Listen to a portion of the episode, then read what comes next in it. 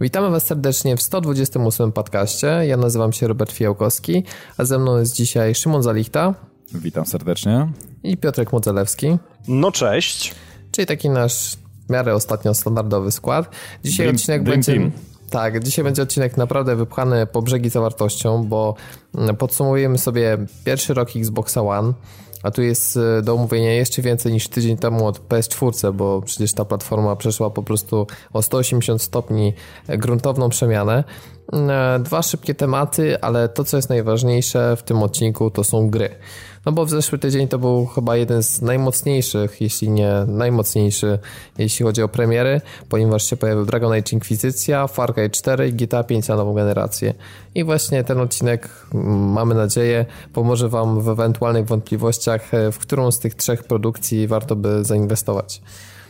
A więc już bez zbędnego przedłużania, bo odcinek będzie pewnie dłuższy niż e, nasze ostatnie. Mm, zaczniemy sobie od różności społeczności. Otóż Wramin napisał w komentarzach pod y, poprzednim odcinkiem a propos Xboxa One, że jest zadowolony z zakupu, bo ostatnio sprzedał PS4, właśnie się zainteresował Xboxem One i ogólnie stwierdza, że jest zadowolony, natomiast y, denerwuje go taka można powiedzieć mała pierdoła, ale mm, z punktu widzenia funkcjonalności jest to bardzo przykrzające, znaczy bardzo to uprzykrza życie po prostu i chodzi o brak możliwości wyłączenia wibracji pada.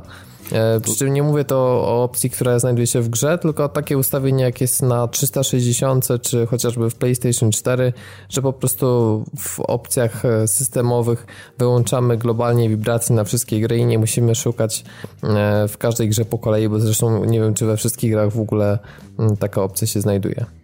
To znaczy, to jest taki, ja myślę, że to jest taki feature, który będzie denerwował przede wszystkim osoby, które no właśnie denerwuje wibracja w grach i które są przyzwyczajone na innych platformach, że no była możliwość sobie takiego defaultowego ustawienia tego w samym menu konsoli. No rzeczywiście, Xbox One tego nie ma. Dzisiaj w ogóle Robert mi to, właśnie dzięki Robert, naświetliłeś mi to, ja to zgłoszę no, do Microsoft. Dzięki Wraminowi, bo to w sumie to A, no w, w zasadzie, dzie- no właśnie, także dziękujemy Wramin za, za, za, za, za to słuszne spostrzeżenie, bo rzeczywiście na 360 taka opcja była.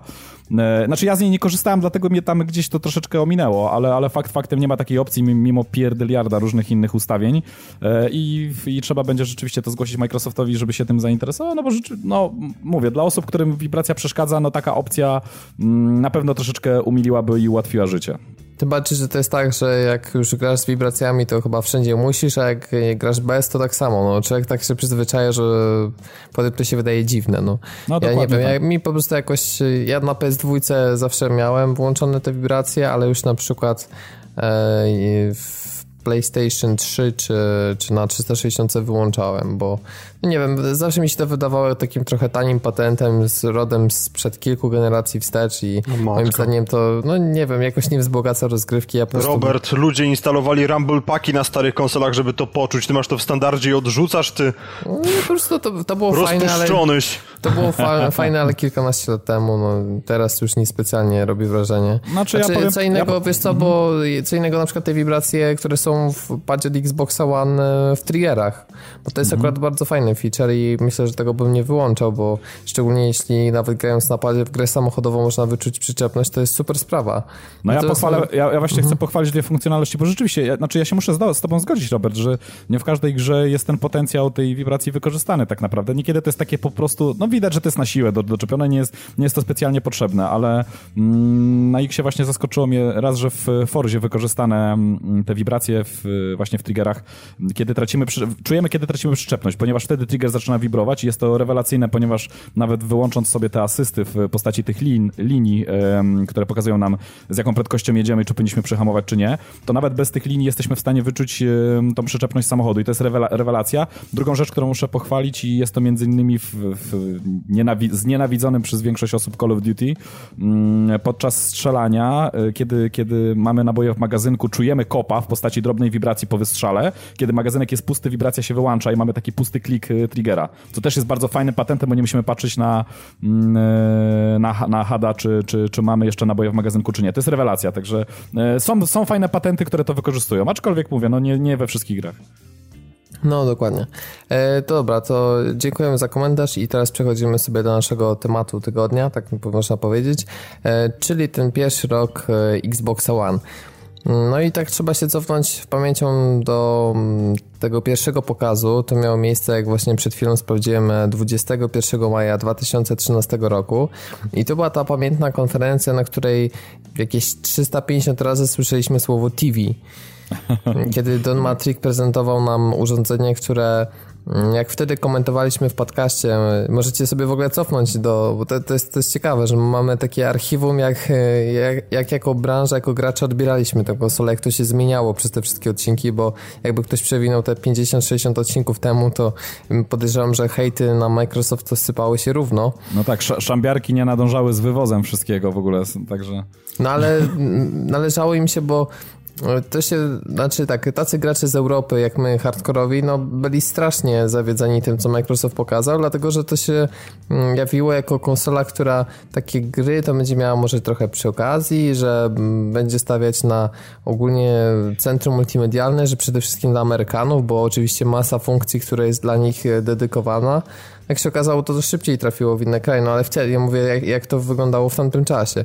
No i po prostu totalny zawód, jeśli chodzi o mm, sam koncept, a po druga sprawa to były, to były te drakońskie DRM-y, które chcieli wprowadzić, czyli przypominam, chodziło o to, że mm, kupując e, kopię płytową w sklepie, mm, one podobnie jak na Steamie przypisywały nam się do naszego konta, w związku z czym niemożliwy byłby handel grami używanymi. A druga sprawa jest taka, że konsola wymagałaby stałego połączenia z internetem.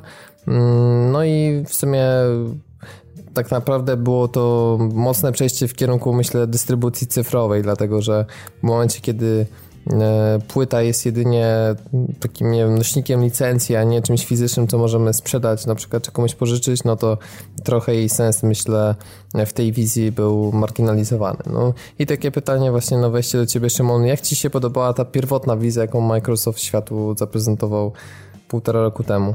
No, ja, cię, ja nie wiem, czy cię zaskoczę, Robercie, czy nie zaskoczę, czy tego się spodziewasz, czy, czy nie mojej, mojej wypowiedzi, ale jako, jako korowy fanboy Microsoftu, ja troszeczkę, znaczy inaczej. Jezu, ale ty jesteś bezczelnie otwarty z tym swoim fanboizmem, wiesz? No, wiem, wiem, wiem. wiem. znaczy nie, wiecie co, ja całą większość generacji poprzedniej spędziłem na 360. Oczywiście PS3 przewinęła się przez mój dom kilka razy i to było na zasadzie takiej, że kupowałem ją na premierę, um, jakieś takie konkretne premiery, które mnie interesowały, konkretnych tytułów, y, które ogrywałem kupowałem, po czym sprzedawałem, potem e, czekałem do kolejnej premiery, znowu kupowałem gdzieś tam z jakiegoś drugiego obiegu, bo oczywiście nie kupowałem zawsze nówki jakieś gdzieś tam ze sklepu. E, I ja tak troszeczkę bardziej byłem przywiązany jednak, no mam już w tej chwili, ponieważ jest taki licznik na Xbox Live, ile lat jesteśmy z, z tą platformą. E, ponad 7 lat już mi wybiło na liczniku, no i no, czuję się jakoś mocniej troszeczkę związany, tak? Wszystkie gry kupuję jednak tutaj, ogrywam, e, tu mam te swoje punkty, tutaj te swoje achievementy, tak? Tu mam stałą grupę tych ludzi, którzy, których e, znajomych, z którymi gram na 360, więc dla mnie to jest troszeczkę takie bardziej naturalne przejście i rozumiem również osoby, które powiedzmy całą generację spędziły na PS3 i przeskoczyły na PS4 i może nawet... A, a rozumiesz no. takich ludzi jak ja, którzy, którzy mhm. całą generację spędzili na 360 i przeszli na PS4? No to jest ciekawe, no powiem ci, to jest ciekawe, znaczy takich ludzi też znam, ale jest to zdecydowana mniejszość. Jednak ludzie się przywiązują do marki. I, Hipster. No, no hipsterem jesteś ja, troszeczkę taki. Nie wiem, ja po prostu lubię po jakimś czasie trochę pewne zmiany dokonać mm -hmm. i... Znaczy, bo tak, bo ja mówiłem, na przykład PS3 też oczywiście miałem, ale nigdy to nie była po prostu moja główna platforma. Za wiele rzeczy mm -hmm. mnie denerwowały, żeby, żeby tak mogło być.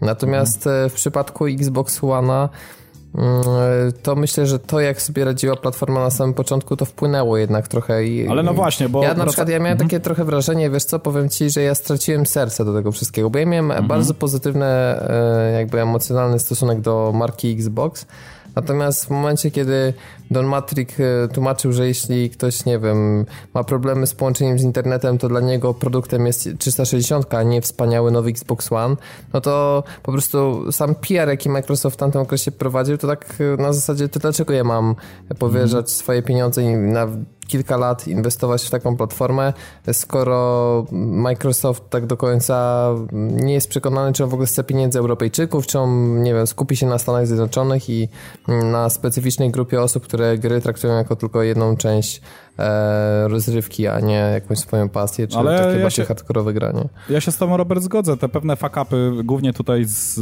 jeśli chodzi o PR, jaki był prowadzony, o, tym, o to, co mówił Matrix, jakie było podejście do klienta, e, są absolutnie nie do wybaczenia no i... Znaczy, wiecie co, ja się, ja się może wtrącę, bo moim mhm. zdaniem po prostu przez nich, w związku z tym, jak, jak, jak bardzo e, udała im się poprzednia generacja, jak bardzo dużą przewagę nad, nad PS3 przynajmniej początkowo mieli, tak? Oni po prostu zrobili się dość mocno aroganccy i to jest dokładnie tak, to tak, samo, tak. co Sony zrobiło po PS2, no. Mhm, dokładnie, I, dokładnie. No, nie wiem, to jest jakaś taka niepisana zasada, że chyba trzecia konsola każdej marki, każdej firmy musi być po prostu spierdzielona, przynajmniej początkowo i Microsoft zaliczył naprawdę cudowny comeback, ale no to, co oni wyprawiali na tym E3 właśnie, jak Matrix wtedy rzucił ten tekst, no to mi opadły ręce. Znaczy ja wam powiem tak, że, że tutaj punkt widzenia jakby zależy od y, punktu siedzenia i zdecydowanie tak jest. Ja jestem w stanie jak najbardziej zrozumieć, że wszystko to, co zostało ogłoszone, bo tak, y, no mówię, wracając do tematu, o to, o to co na początku zapytałeś, tak, o te wszystkie innowacje, które chciał wprowadzić Microsoft.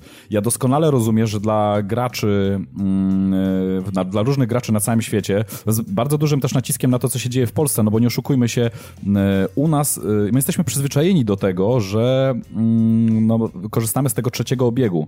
Ludzie w Polsce nie zarabiają jakichś niesamowicie wielkich pieniędzy, tak? Nie, nie wywalają pieniędzy na lewo i prawo, raczej liczą się z każdym groszem i e, dla nas e, Polaków, znaczy ja podejrzewam dla innych narodów również, ale to no mówię, z naszego podwórka, na naszym podwórku to tak jest bardzo wypuklone, to, no, to, to najlepiej widać. E, każdy liczy na to, żeby dostać gdzieś grę z promocji, tak? Mieć możliwość ją później odsprzedania, jeśli uda się powiedzmy ją przejść w ciągu tygodnia, no chyba, że chcemy ją zachować w kolekcji, tak? Ale jednak ludzie, no mówię, liczą się ze swoimi pieniędzmi i takie blokady, które wymyślił sobie Microsoft, tak? W postaci tego DRM-u, no były jak najbardziej, jak od razu, no nie do przyjęcia, tak? Szczególnie, że Sony tutaj w pełnej glorii i chwale e, przyjeżdża na białym jednorożcu i ogłasza, że e, pokazując w ogóle niesamowite filmy, to, bo to była niesamowita szpila według mnie, że mm, dwóch tam CEO w ogóle wymienia się tą płytą po prostu i pokazuje na czym, na czym polega wymiana e, grami na PS4, tak? Także, także... Mm, I Microsoft no... w ogóle zrobił świetny, można tak się śmiać, PR dla PS4 i to, że ta konsola tak rewelacyjnie się sprzedaje w tych pierwszych miesiącach od premiery to w dużej mierze jest jeszcze zasługą tego, mm, co robił Microsoft, bo Sony co, wystarczyło, że nakręciło film o wymienianiu się pudełkami i powiedziało te magiczne... Tak, i to gdzieś tam w, w, pokoju hotelowym w ogóle na szybko, tak. Tak, tak. Nie, to... I, I, powiedzieli, że konsola kosztuje 399 dolarów, a Xbox przecież 100 e, dolarów droższy, to te dwie rzeczy wystarczyły. I właśnie no, tak e, płynnie przechodząc, to ja pamiętam jeszcze, co trudne takie było do przetrawienia, to już teraz nie ma miejsca, e, że płacimy 100 dolarów więcej, więcej za konsolę, która technologicznie jest słabsza. Mhm, Pomijając mhm. oczywiście, że ma lepszą infrastrukturę sieciową, ale tak patrząc czysto na bebechy i na to, jak na niej działają gry, mm, które są dostępne na wiele platform. To znaczy ale teraz wiesz, to już różnice się zmniejszyły, ale ja patrzę, wiesz, pryzmat rok temu na przykład tych gier startowych, bo wtedy ale Robert, te różnice ja, były. Yy, wiesz co, już za chwilę przejdziemy do tych, że tak, że tak powiem, specyfikacji. Ja jeszcze chciałbym się tylko do końca odnieść do tego, co ty mówiłeś, czyli do tych wszystkich innowacji. I tak jak wspomniałem, to zależy od y, punktu siedzenia, bo tak jak troszeczkę rozmawialiśmy przed programem, na przykład y, dla mnie pewne dramy nie były dramami. I już, już tłumaczę dlaczego, ja się wytłumaczę, bo to mówię, to zależy od osoby. Ja podejrzewam, że ja nie jestem jakąś jedyną osobą, jak, y, jakimś dziwakiem, tak, jedyną osobą na świecie. Ja na przykład już na, e, od połowy generacji 360 ja zacząłem kupować tylko i wyłącznie wersje elektroniczne. Dlatego, że dla mnie to jest o wiele wygodniejsze, tak. Biorę sobie konto na pendrive swoje, idę sobie do ziomka, który też ma Xboxa, podpinam, ja już mam dostęp do całej biblioteki tytułów, nie taszcząc całego plecaka gier. Dla mnie to jest wygodne i mogę to zrobić z każdego urządzenia, z każdego Xboxa w ogóle, czy 360, czy w tej chwili Xboxa One, ponieważ mogę z jednego, mm, że tak powiem, do mojego konta są przypisane gry z obu platform, więc mogę sobie w każdym miejscu na świecie, na jakimkolwiek Xboxie odpalić swoje konto tylko z dostępem do internetu po prostu i mieć dostęp do wszystkiego, co posiadam już od x lat, tak?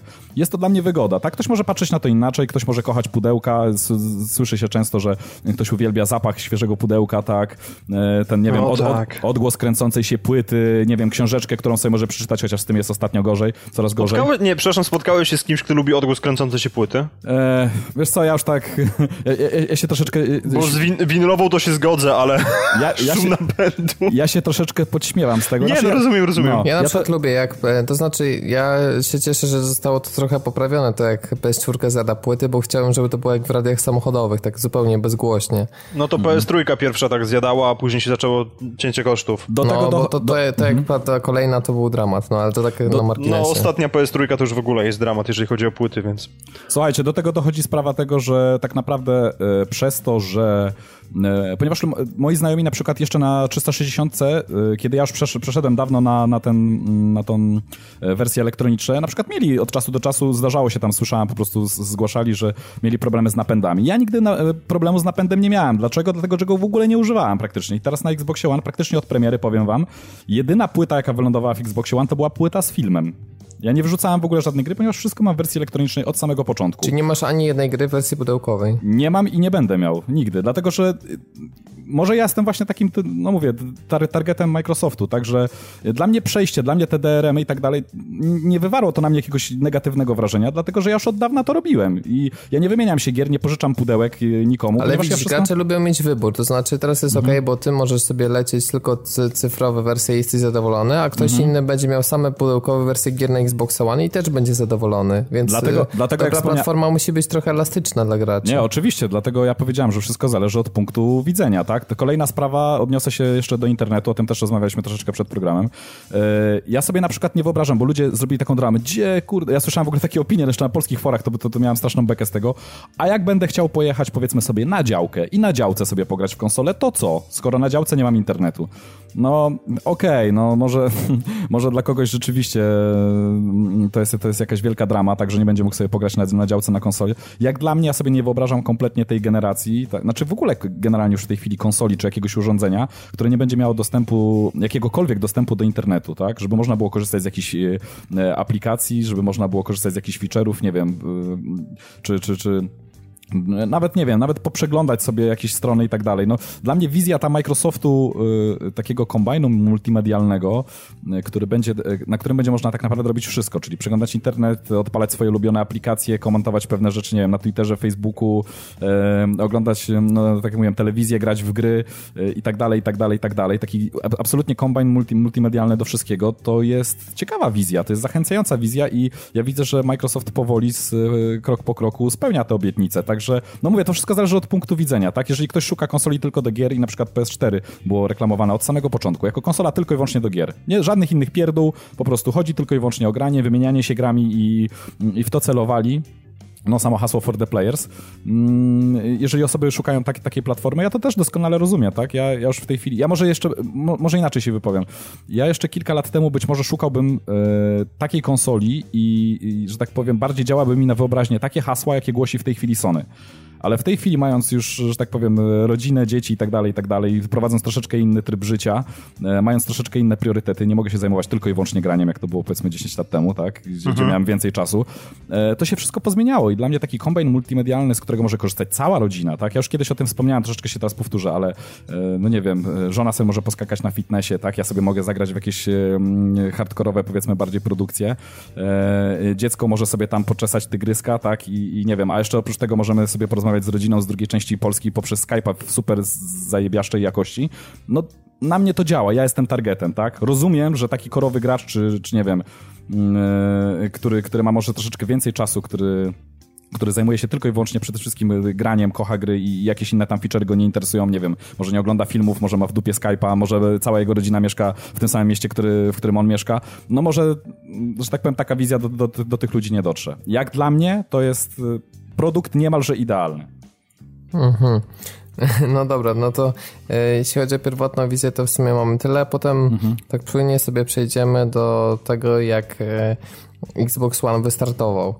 No tak, tak. tak. Mhm. Było, były, pamiętam wtedy, spore dyskusje o to, która platforma ma lepsze gry startowe, no i w sumie tak z takim niewielkim wskazaniem można było wskazać na Microsoft, chyba głównie dzięki Forzie Motorsport 5, no ale e, całkiem niezłymi grami też były Dead Rising 3 i Rise Son of Rome. Znaczy ja wam powiem, że ja zamówiłem w ogóle, e, jak to u mnie wyglądało, tak, na premierę. Ja za... Miałem ciekawy dosyć zestaw startowy. Ja zamówiłem sobie bundla z e, Call of Duty Ghost i nie dlatego, że jestem jakimś fanem Call of Duty, po prostu tylko takie bundle były dostępne. A zamówiłem w ogóle w polskiej Ultimie, tak, bo okazało się, ja chciałem sprowadzić z zagranicy generalnie konsolę, ale dowiedziałem się, szukałem też tutaj na polskim rynku, czy, czy podczas tej premiery światowej ktoś z, któryś z polskich sklepów będzie sprowadzał. Okazało się, że Ultima sprowadza. Obiecali, że w dniu premiery, no tam były niestety troszeczkę małe problemy, więc nie dostałem dokładnie w, w dniu premiery. E, problemy z kurierem, to chyba taki standard polski. E, I, I zamówiłem sobie tego bundla, ponieważ to był jedyny bundle, który można było zamówić w Ultimie. E, jeszcze pamiętam za astronomiczną cenę 200, czy 2450 zł. O matko boska. No tak, tak, ale mówię tutaj o bundle z Kinectem, tak, od razu mhm. z, i, z, i z Call of Duty. Mało tego, dzień później e, pojawiły mi się na dysku jeszcze również Rise e, Son of Rome, właśnie Dead Rising 3, e, Forza Motorsport 5 oraz, oraz, oraz, oraz, oraz Max The Course of Brotherhood, e, który też jest takim, takim troszeczkę mniejszym eksem na, na Xboxa. I powiem wam, że mm, no ta, ta, ta pięć tytułów, które, które, które, że tak powiem, były dostępne na starcie. E, mówię, oprócz oczywiście jeszcze multiplatform, które również były na, na, na PS4, no to był taki dosyć ciekawy zestaw i nie, mus, nie, nie mogę powiedzieć, że w pierwszych dniach e, nudziłem się, tak, że nie miałem co robić, bo naprawdę była dosyć duża... Aha, jeszcze, przepraszam, jeszcze Killer Instinct był do tego, do pakietu, który był, znaczy w tej formie free to play, czyli można było sobie go tak naprawdę za darmo zastać. No oczywiście tam nie z pełną gamą postaci, bo to trzeba było dokupić, ale ale tam dwie postacie chyba były grywalne na początku. Nie, czy jedna, przepraszam, czy jedna postać była za darmo i można było sobie tak naprawdę wszystkie tryby ogrywać. Także taki dosyć ciekawy pakiet, bo i świetna bijatyka, i świetna bijatyka, i naprawdę rewelacyjne wyścigi, i, e, i postapokaliptyczne Dead, Dead, Dead, Dead Rising, który no był bardziej różnorodny line-up no bo, niż, bo, niż było, było różnorodnie. Tak, i mhm. Rise, czyli taki pokaz troszeczkę, znaczy, bo nie oszukujmy się, Rise tak, to jest taki tak, troszeczkę bardziej pokaz um, no tego, tak demo, co, co, ja, ale takie to tak wszystkie demo, gry tak. Cryteku mhm. tak, tak wyglądają. Tak, tak, takie, takie tech demo, chociaż muszę powiedzieć, że bardzo duży nakład pracy w, włożony w cutscenki, w otoczenie, tak, w tam efekty graficzne i bardzo ciekawy tytuł, mimo on jest, myślę, myślę dość niedoceniony, tak, ludzie raczej kwintują wszystko tutaj, jakikolwiek temat poruszany związany z tą grą, że, że to jest tam festiwal QTE. No troszeczkę może tak, ale nie do końca. Ja bym się nie zgodził tak, że, żeby tak Ja już tak jak mówiłem, dla mnie gdyby wywalić te finishery z QTE, tylko je za to jakoś, nie wiem, z, zmienić, że przy jakichś przeszkodach pojawia się jakiś przycisk e, taki tylko na moment i już potem nie mamy tego e, nie wiem, wyboru tych, tych y, różnych kolorów, żeby skończyć mhm. quick time event, tylko żeby to się tak dużo płynnie odbywało, to gra by mogła bardzo dużo zyskać, bo ten podstawowy system walki jest też świetnie zrobiony, także... No, tak. no ale tutaj również z tymi pierwszymi tytułami oczywiście pojawiły się pierwsze dramy, e, to znaczy te dramy może ominęły Forza Motorsport 5, ponieważ to był jedyny tytuł, który miał 1080p i 60 No Forza, Forza miała swoje dramy w postaci mikrotransakcji. Tak, tak, tak, oczywiście, ale mi chodzi tutaj o oprawę graficzną, tak, bo mhm no to to się rozpoczęły wtedy tak bardzo mocno się rozkręciły te wojenki a propos właśnie rozdzielczości i, i frame rate'u i tak naprawdę tylko z tych pierwszych tytułów Forza się obroniła w pełni. Inne tytuły już miały jakieś dziwne rozdzielczości, tak, tak jak na przykład Rise w postaci 900p czy, czy Dead Rising, który miał wręcz 720p. Oczywiście to było upskalowane do 1080, ale wtedy się rozpoczęły te takie dyskusje, które trwają tak naprawdę do dzisiaj, jak to jest z tą mocą Mm, no i tutaj była taka drama, taki, no, szala się też przechylała bardzo mocno w kierunku PS4, gdzie, gdzie rzeczywiście, jeżeli mm, ktoś chciał sobie sprawdzić, tak, jak, jak, mm, jak te defaultowe rozdzielczości, tak, jak te gry sobie multiplatformowe lepiej radzą, na której konsoli w sensie, no to, no to, to PS4 tutaj, tutaj zdecydowanie wysuwała się na prowadzenie. Mhm. E, no to fakt, że trzeba przyznać, że technicznie te gry wyglądają lepiej zazwyczaj na PS4, chociaż ostatnio to się nieco zmieniło w tym sensie, że pojawiają się gry, które są na przykład Full HD na jednej na drugiej platformie, tak jak na przykład Destiny czy, czy GTA 5 ostatnio. No ale jeśli ktoś bardzo mocno interesuje się tym aspektem technicznym gier, no to musi wziąć pod uwagę, że zazwyczaj na Xboxie będzie parę efektów mniej, ewentualnie będzie to właśnie rozdzielczość 900p, a nie Full HD. Ale Już słuchajcie, myślę, tak... że, mhm. znaczy no bo zawsze jest dyskusja, już w sumie dyskutowaliśmy o tym, że na przykład ty, Szymon, mówisz, że dla ciebie to nie jest zauważalne. Zresztą wiadomo jest e, to, że po tych różnych aktualizacjach Xbox One ma naprawdę dobry ten upscaler, który podnosi do Full HD, więc... To... Znaczy, wiecie co, tak, z, z, że tak powiem, z premier, które, które się tak naprawdę odbyły na dniach, e, my wczoraj ze znajomymi sobie zrobiliśmy taką posiadówkę na zasadzie tam dwa telewizory obok siebie, dwie różne konsole, tak, mówię tutaj o PS4 Xboxie One, mm, e, z różnymi tytułami. Między innymi spotkaliśmy się też dlatego, żeby sobie tak porównać, robimy sobie od czasu do czasu robić takie, takie porównania. Odpaliliśmy Dragon Age Inquisition na obu konsolach i powiem wam, że ja nie wiem, czy tam, tam są jakieś różnice? Czy, e, jeśli chodzi o rozdzielczości? Ktoś, ktoś się orientuje? Może z was? Nie wiem. Ja nie no wiem, właśnie. czy Digital Foundry w ogóle już przeprowadziło jakiś test, bo ja myślę, może... że raczej wszyscy na nich polegamy. Może, właśnie, może, może nie przechodzić, ale, ale, jest to, ale jest to tytuł multiplatformowy i powiem wam, że, ta, że tak, że jeżeli nawet są jakieś różnice, to absolutnie ich nie widać. Znaczy, jedyną rzecz, i powiem wam, że to się ciągnie od... E, nie wiem, czy się ze mną zgodzicie, tak? Ale ja powiem wam, że jak właśnie robimy sobie takie posiadówki ze znajomymi i podpalamy, e, i odpalamy jednocześnie, mm, czy to kiedyś wcześniej Xboxa 360 i PS3, czy w tej chwili PS4 i Xboxa One, to jedyne różnice, jakie widzę, to takie, że te kolory jakby są podkręcone na 11 na Xboxie. Wszystko jest bardziej kolorowe, wszystko jest bardziej... Mm, Teraz znalazłem są... informację, przepraszam, że ci przerwę, no. 900p mhm. jest na, rzeczywiście na Xboxie mhm. One. Czyli mniej, bo 1080p rozumiem, że jest na PS4, tak? Tak, tak. No, no to powiem wam, że tak naprawdę na dwóch, mówię tutaj o dwóch telewizorach około 40 cali, tak? To naprawdę, y, gdzie, kiedy telewizory stoją obok siebie, ciężko dostrzec, dostrzec y, różnicę. Nie wiem, no podejrzewam, że trzeba było rzeczywiście zrobić sobie jakieś tam dosyć spore powiększenie jakiegoś fragmentu może gdzieś tam statycznego mm, e, tam, tam, tam jakiegoś elementu e, grafiki i może wtedy można było się czegoś doszukać, ale tak gra w ruchu absolutnie wygląda identycznie na obu platformach. Mhm. E, na przykład taka, taka ciekawostka, że Far Cry 4 też jest Full HD na Xboxie One i 30 klatek. O, no proszę, proszę. Ciekawe, tak czemu przynajmniej tylko... według tej strony, którą tu czytam. Mhm. Na IGN jest takie podsumowanie, gdyby, gdyby kogoś interesowało, gdzie wszystkie gry są mhm. właśnie porównane e, na jednej i na drugiej platformie. Ja jeszcze tylko tak troszeczkę chciałbym odbić od tematu głównego naszego, tak dosłownie na sekundkę. E, macie jakiś pomysł, dlaczego, e, ponieważ wypłynęło tam dosłownie, nie wiem, chyba dwie czy trzy gry, które ostatnio w pewnych aspektach wyglądają na Xboxie One. Macie jakiś pomysł, dlaczego tak może być? Znaczy, ja mogę ci powiedzieć, dlaczego framerate ostatnio w niektórych mhm. grach na PlayStation 4, na przykład w Assassin's Creed Unity czy e, w GTA 5 teraz e, no, jest, są większe problemy po prostu na PS4 i większe mhm. spadki tych animacji. Jest to, to przynajmniej tak, tak wskazują analizy Digital Foundry, problem po prostu z niższym taktowaniem procesora na PlayStation 4. Ciekawe, kto ci to powiedział, Robert. no, ciekawe, no. Teraz się dzielę tą wiedzą. Aha, Ukradłeś okay, moje 5 minut, ale niech ci będzie. No to zaraz to rozwiniesz. W każdym razie e, kwestia jest taka, że procesory na obu platformach są no, słabe, nie oszukujmy się, no, mhm. dużo, dużo za słabe, jak, jak powinno to wskazywać, jeśli chodzi o skok generacyjny, bo w sumie e, przecież prawie o połowę słabszy jest e, procesor w PlayStation 4 względem PS3, o czym jakoś tak się mało mówi mhm. i PR-owo Sony oczywiście takie rzeczy nie wskazuje. I po prostu kwestia jest taka, że w momencie, kiedy mamy liczenie zachowań E, NPC-ów, po prostu dużą liczbę postaci na ekranie, no to jest wąskie gardło, a jak jest wąskie gardło, no to klatki spadają. No ale, ale zaraz, zaraz, zaraz, bo ja, mi się wydawało, że różnica pomiędzy PS4 a Xboxem One głównie jest w ramie i chyba właściwie tylko w ramie, czy...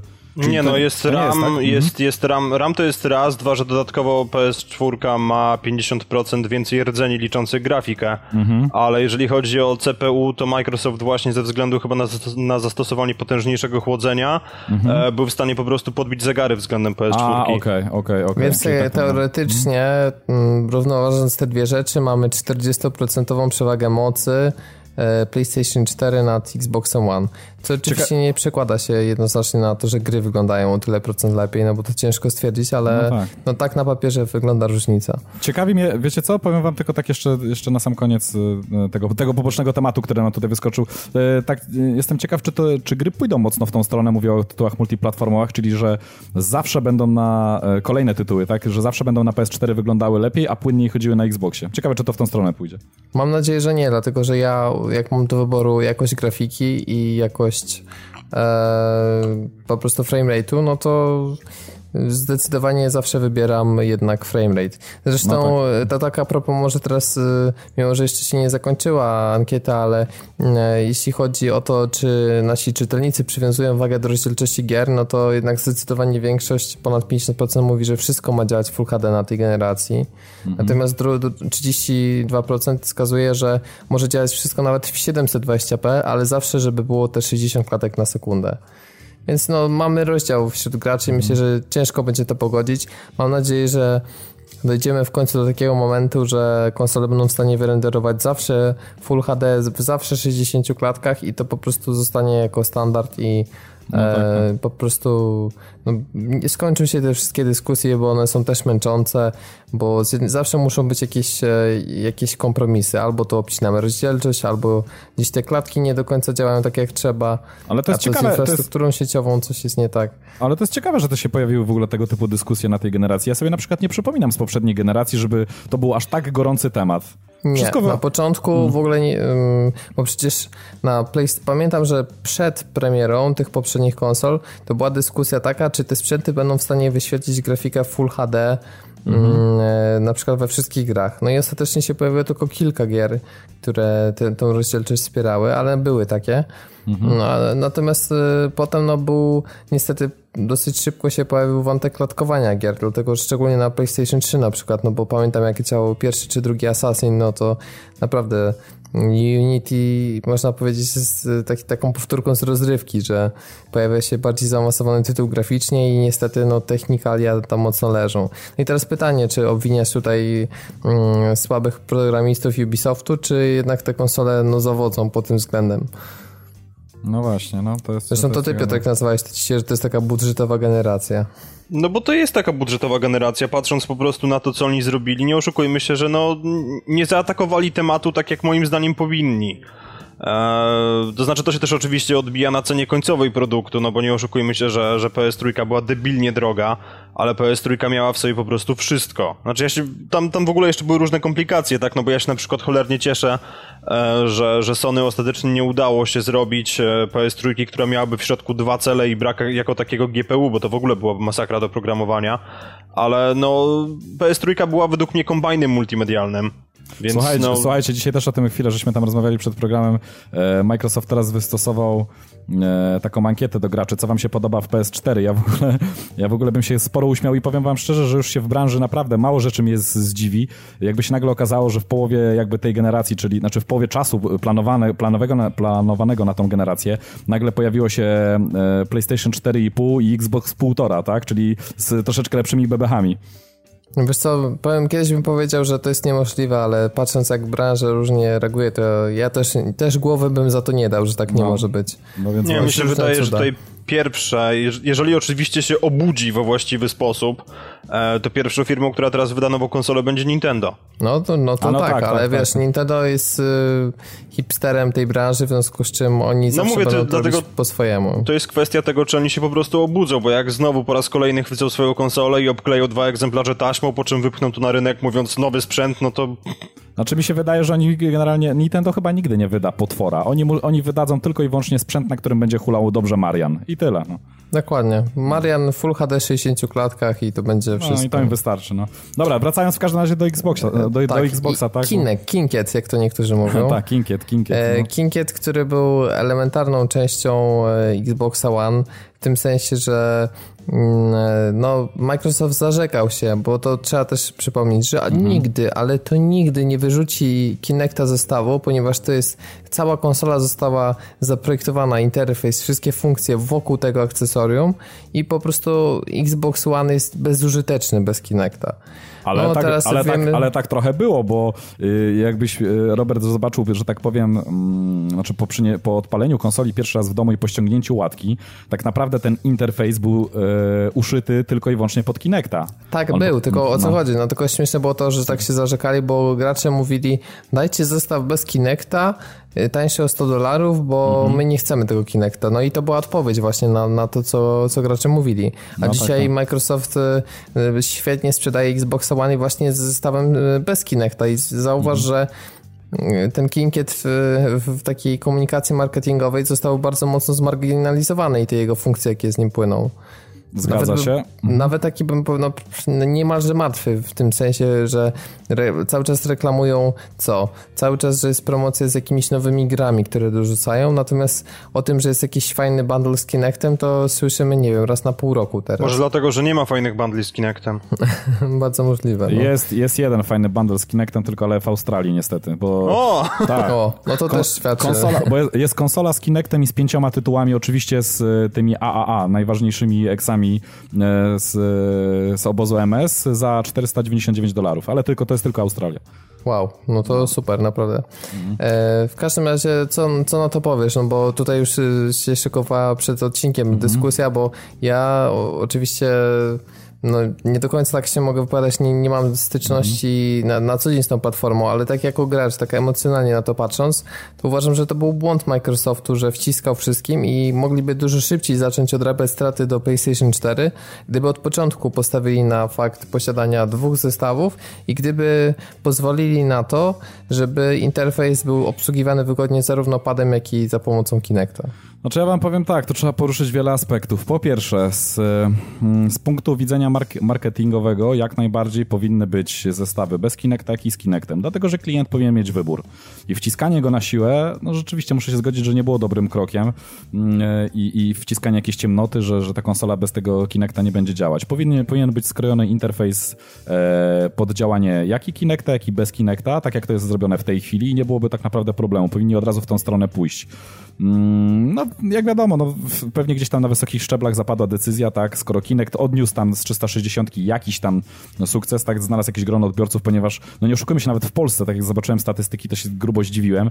Okazało się, że Xbox 360 e, przez casuali tak naprawdę mm, podbił pod koniec generacji 360 bardzo mocno sprzedaż, tak, ta, ta konsola się z Kinectem sprzedawała, w ogóle, ja nie wiem, czy sobie zdajecie sprawę, ale Kinect z 360, e, ponieważ ja też mam takie dane, e, e, jeśli chodzi o o to, co się dzieje w tej chwili, tak, w pewnej sieci sprzedającej e, sprzęt, że tak naprawdę jeśli chodzi o PlayStation, o, mm, o Sony, to sprzedaje się najlepiej PlayStation 4, wiadomo, o ten obóz, a jeśli chodzi o obóz MS, to nie Xbox One się w Polsce najlepiej sprzedaje, tylko w dalszym ciągu Xbox 360 z Kinectem. On przyszedł, e, bo on jest następcą Wii, tak de facto, jeśli chodzi o tak. tą grupę klientów. Mhm. Tak, Także wydaje mi się, że bardzo dużo osób przeszło, no, tym bardziej, że mhm. to dyskutowaliśmy o tym, że jak jest jakiś casual, to ciężko mu wytłumaczyć różnicę między 360 z Kinectem, a Xboxem One z Kinectem. Tak, tak, tak. Bo różnica nie jest mhm. taka. Oczywiście jak mhm. wchodzimy w techniczne szczegóły dla geeków i tak dalej, to można to zauważyć, ale dla takiego, mhm. który chce sobie poskakać Den Central, to myślę, że będzie się równie dobrze bawił z 360 jak i z Xboxem One. No pewnie tak, znaczy mm, wiadomo, tak naprawdę nowy, nowy Kinect oferuje troszeczkę więcej, jest bardziej dokładny, e, o wiele lepiej szczytuje te ruchy, daje o wiele więcej możliwości, mm, ale... No tak jak mówię, no, z, z, z, punktu widzenia marketingowego tak naprawdę powinien, powinien być ten mm, dany wybór graczom, tak? To oni powinni zdecydować, czy oni chcą taki zestaw, czy nie, czy wolą po prostu tańszy bez tego Kinecta i ten ruch został troszeczkę zbyt późno według mnie wprowadzony. Stąd, e, no stąd, to, stąd, stąd, stąd, te, e, no stąd ta sprzedaż Sony, tak? No zrobili prezent po prostu Sony tak naprawdę. Tą swoją polityką taką wciskania na bezczela tego, tego Kinecta. No czy, tak. Kine, mhm, czy, mhm. Kinect, czy Kinect jest bezużyteczny? Ja bym się to też, też tutaj kłócił po raz kolejny, bo muszę powiedzieć, że to zależy od punktu widzenia, tak? I to trzeba pewne rzeczy rozgraniczyć. Pierwsza sprawa tak czy gry typowe pod Kinecta, e, czy, czy wychodzą na Xboxa One dobre gry pod Kinecta, e, tego 2.0? Ja powiem tak, jak na razie grałem w jedną świetną y, grę y, skrojoną y, tylko i wyłącznie, znaczy tylko i wyłącznie, no przede wszystkim pod Kinecta i, w, i korzystam z jednej rewelacyjnej aplikacji pod Kinect, znaczy przepraszam, z dwóch, jeszcze licząc Skype'a, tak? Z dwóch rewelacyjnych aplikacji, które naprawdę, których sobie nie wyobrażam działania bez Kinecta. No po prostu to jest, to, to jest rewelka.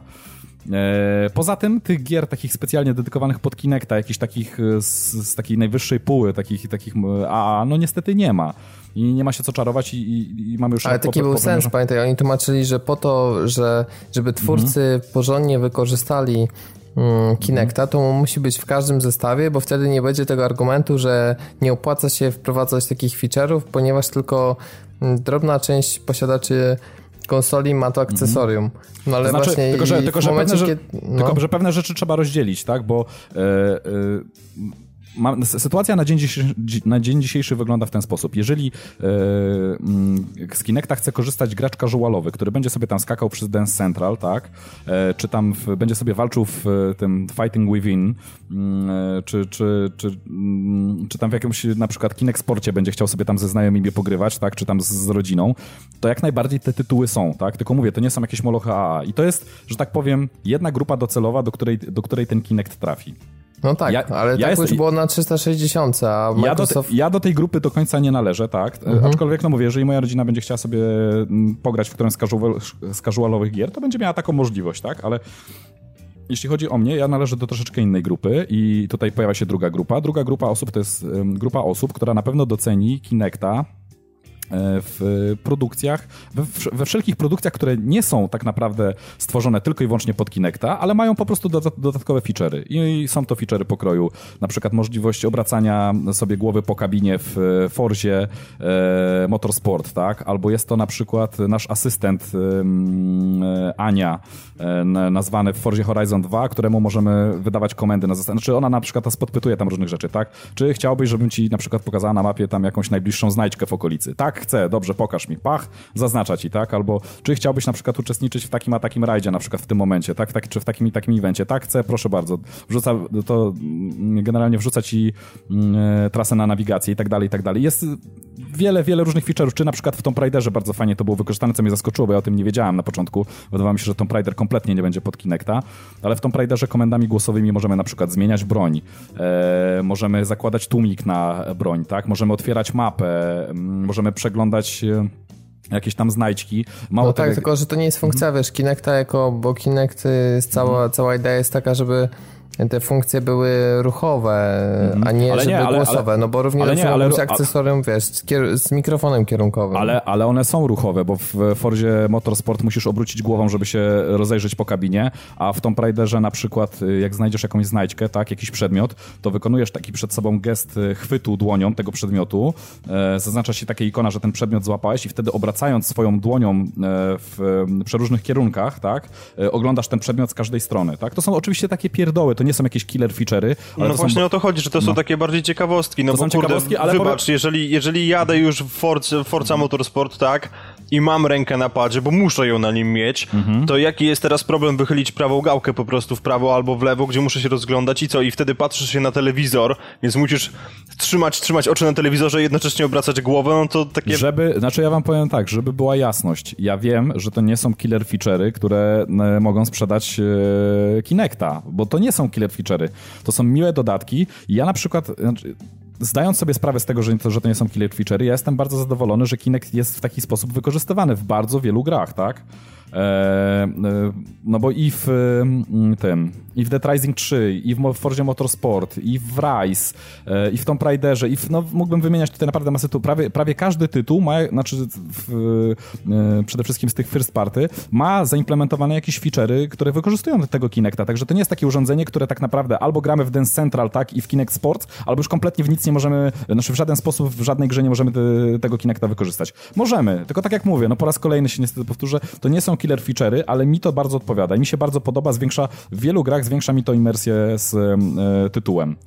E, mhm. tak, także to jest tak jakby druga grupa docelowa. Trzecia grupa docelowa tak naprawdę to jest grupa, która może docenić Kinecta poprzez wszystkie takie feature'y multimedialne i związane z, z całym samym hubem e, tego e, Xboxa, tak? Czyli poruszanie się po menu, odpalanie aplikacji i właśnie czy gestami, czy głosem e, jest możliwość. Ja na przykład bardzo to doceniłem, tak? Ja wiem, że to może będzie ciężko komuś zrozumieć, tak? Ale jeżeli ktoś ma dzieci, to może mnie, mnie, mnie w tym momencie zrozumie.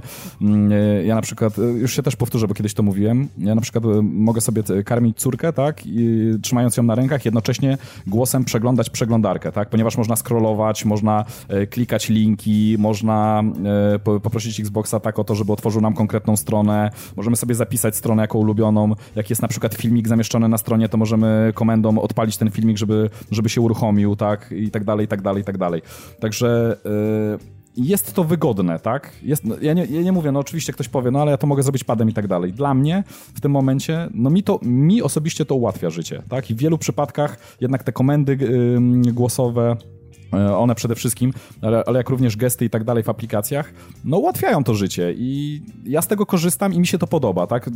Jedyne, jedyne co mogę powiedzieć na minus mm, e, w, w, w tym momencie to, to niestety to, że no niestety te komendy głos, głosowe po polsku jeszcze nie ruszyły i to jest, no ubolewam troszeczkę nad tym, dlatego że przyszedłem na rynek e, polski, jednak chcę Ale jest jeszcze bardziej wkurzające, że nie możesz mhm. mieć angielskich nawet.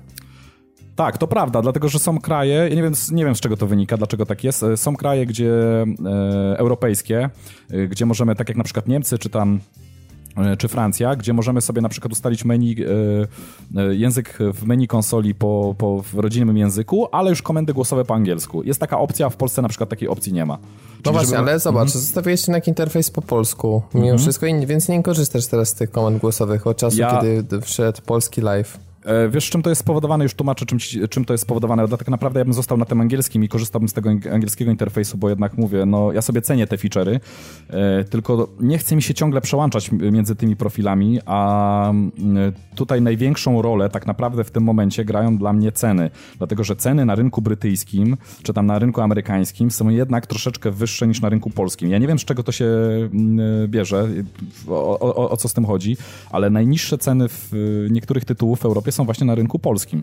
Tak jak przytoczę na przykład tutaj Dragon Age Inkwizycja, który jest w tej chwili za 197 zł. Jest tylko w Polsce. Jeżeli już bym włączył rynek brytyjski, mm, no podejrzewam, że w przeliczeniu na złotówki zapłaciłbym o te 60 zł więcej co najmniej. No tak, no to, ale to już tak było na 360, że mm. właśnie Polska miała jakiś taki E, bardzo korzystny przelicznik do tak, e, tak, tak, euro tak, czy do funta, więc Także to sobie chwalę i tak, Także, także yy, jestem, ja na ten moment czuję się troszeczkę rozdarty, tak? Bo z jednej strony ja bardzo sobie cenię te funkcjonalności i nie mówię tutaj właśnie o grach, tak? Nie mówię, znaczy o grach również, tylko bardziej o tych y, tytułach AAA, w których są zaimplementowane jakieś tam poszczególne feature'y, nietypowo dedykowanych grach pod Kinecta, yy, ale najbardziej sobie cenię E, jednak obsługę tej konsoli za pomocą Kinecta. Ja się bardzo przyzwyczaiłem do tego, mi się to bardzo podoba, jest to bardzo intuicyjne. Ktoś może powie niepotrzebne, nie wiem, ja jestem targetem, mi się to podoba, ja chcę z tego korzystać, czekam aż to e, pojawi się w Polsce. Z tego, z tych informacji, które mam na dzień dzisiejszy, to się pojawi w Polsce, tylko po prostu, no nie wiem jak długo jeszcze to może potrwać, no czy to po nowym roku, może z pierwszą łatką, może z drugą, może z trzecią, w końcu się na pewno pojawi, dlatego że już pracują nad tym. Mm, nie wiem ile czasu to zajmie, może język polski jest na tyle trudny, bo jest trudny, że nie jest to takie proste, tak, przełożenie, żeby, żeby Kinect nas e, Ale skoro dobrze Cortana ma być w języku polskim docelowo, no to wiesz, może to połączą po prostu jakoś. No prawd prawdopodobnie tak, ja też tak podejrzewam, że to się pojawi jednocześnie i na telefonach, e, tabletach i, i, właśnie na Xboxie. Także no mówię, no to jest, to wszystko zależy od punktu widzenia, tak? Rozumiem, że dla kogoś Kinect może być kompletnie nieprzydatnym dodatkowym akcesorium, na dodatek w cholerę drogim, bo e, do Xboxa kosztuje 100 dolców, a nie wiem, czy wiecie, bo można też pod PC w tej chwili podpinać Kinecta, ale tam, mhm. już, ale tam już kupiony kosztuje 200 dolców co jest w ogóle jakąś paranoją. No, masakra. No ale po raz kolejny dochodzimy do tego, że dobrze jest mieć wybór. Tak samo jak mieliśmy z mhm. tymi DRM-ami i z wersją cyfrową. Tutaj Microsoft dużo się nauczył, że gracze są różni i trzeba im dać po prostu wybór. I mm, to była to była zasadnicza część tej, tej zmiany, która się ja przez te ja kilka miesięcy od, mm, odbywała. Ja tylko podsumuję tak naprawdę. Ja, ja powiem wam szczerze, że ja sobie nie wyobrażam Xboxa bez Kinecta. Nie wyobrażam sobie. Jeżeli nie wprowadziliby e, tych e, feature'ów, e, komend głosowych i tak dalej po polsku, to dla mnie naprawdę bardzo dużo, bardzo, bardzo dużo Xbox by stracił w tym momencie. A komuś może nie robić, tak mówię. No, są mhm. też tacy ludzie. No jasne, to już mówiliśmy. to kolejna rzecz taka, to trzeba przyznać, że Microsoft dosyć dobrze zaprezentował się w tym roku na Gamescomie. I mm, raz, że dał tam ciekawe zestawy w bundlach, dwa, że mm, zaprezentował bardzo soczysty gameplay z Quantum Break, ale przede wszystkim bardzo mocno zszokował wszystkich, bo pamiętam jaki był hate i ile dyskusji się toczyło na temat Rise of the Tomb Raider. Mm, z racji tego, że właśnie ta gra pojawi się ekskluzywnie na Xboxa One w okresie świątecznym 2015 roku, bo na tym w końcu stanęło, jednak jest to umowa czasowa, jak potem e, mm, deweloperzy uściślili. No ale faktem jest, że to był strzał taki, który, którego się chyba nikt nie spodziewał, że tak duży mm, e, producent y, gier third party, w dodatku, który nie był zadowolony ze sprzedaży mm, gry na wszystkich platformach, nagle decyduje się na umowę z Microsoftem i wydanie gry wyłącznie właśnie na jedną platformę. No dla mnie z punktu widzenia użytkownika Xboxa jest to dobra informacja, szczególnie, że ja bardzo lubię markę Tomb Raider, e, więc jako użytkownik e, właśnie konsoli Microsoftu będę mógł zagrać nią dokładnie w, e, podczas premiery światowej, tak? I, to jest znaczy, no super. no wiesz, ale z drugiej strony, gdyby gra jednocześnie pojawiła się na PlayStation 4 czy na PC, to również mógłbyś pograć w no tak, premiery tak, tak, światowej. Tak. Nie, nie, no chodzi mi o to, że jeżeli jakby była przeciwna, że tak powiem, e, tutaj akcja od, ze strony Sony, taki Sony by sobie na przykład tutaj zaskarbiło jakoś e, e, te, tego, te, tych deweloperów Tomb Raidera i ta konsola by wyszła wcześniej na PS4, no na pewno byłbym troszeczkę zniesmaczony tym, że będę musiał czekać ten, no nie wiem właściwie, bo nie wiadomo jeszcze na ten moment, tak, czy to będzie miesiąc, czy trzy miesiące, czy pół roku, tego nie wiemy, tak. Mm, ale generalnie, no my o tym w z poprzednim odcinku mówiliśmy. Ja na przykład bardzo nie lubię takich akcji, y, jeżeli mm, y, wychodzi powiedzmy coś na jakąś platformę, no i owszem, ja to dostanę powiedzmy na, na platformę, z, z, której ja korzystam pół roku czy rok później.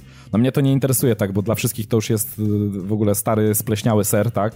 Już wszyscy się nagrali, już był hype, już wszyscy o tym rozmawiali i tak dalej i ja dostaję takiego kotleta tak naprawdę po, po tam dłuższym czasie, no no nie jest to fajne. Chociaż są ludzie, którym to nie robi, tak? Bo słyszałem również takie opinie, a dobra, tam, ja, ja mam to w dupie, tak? Ja sobie zagram za rok, tak? Ale gdyby tak nie robiło, to nie powstałoby, wiesz, 500 stron na grafie w ciągu tygodnia i tyle ludzi by po prostu tak negatywnie się nie wypowiadało na temat no, Microsoftu. Czyli, i... No, czyli Ale... może, może to jest tylko tak, że po prostu e, dobra mina do złej gry, tak? Czyli, czyli ktoś tam mówi, że mu nie robi, może sobie zagrać za rok, tak? A jednak gdzieś tam jakiś tam ból, ból dupy gdzieś tam jest, no. Tak, ale mi się to trochę nie spodobało, w jaki sposób PR-owy to było tak, wiesz, zaprezentowane.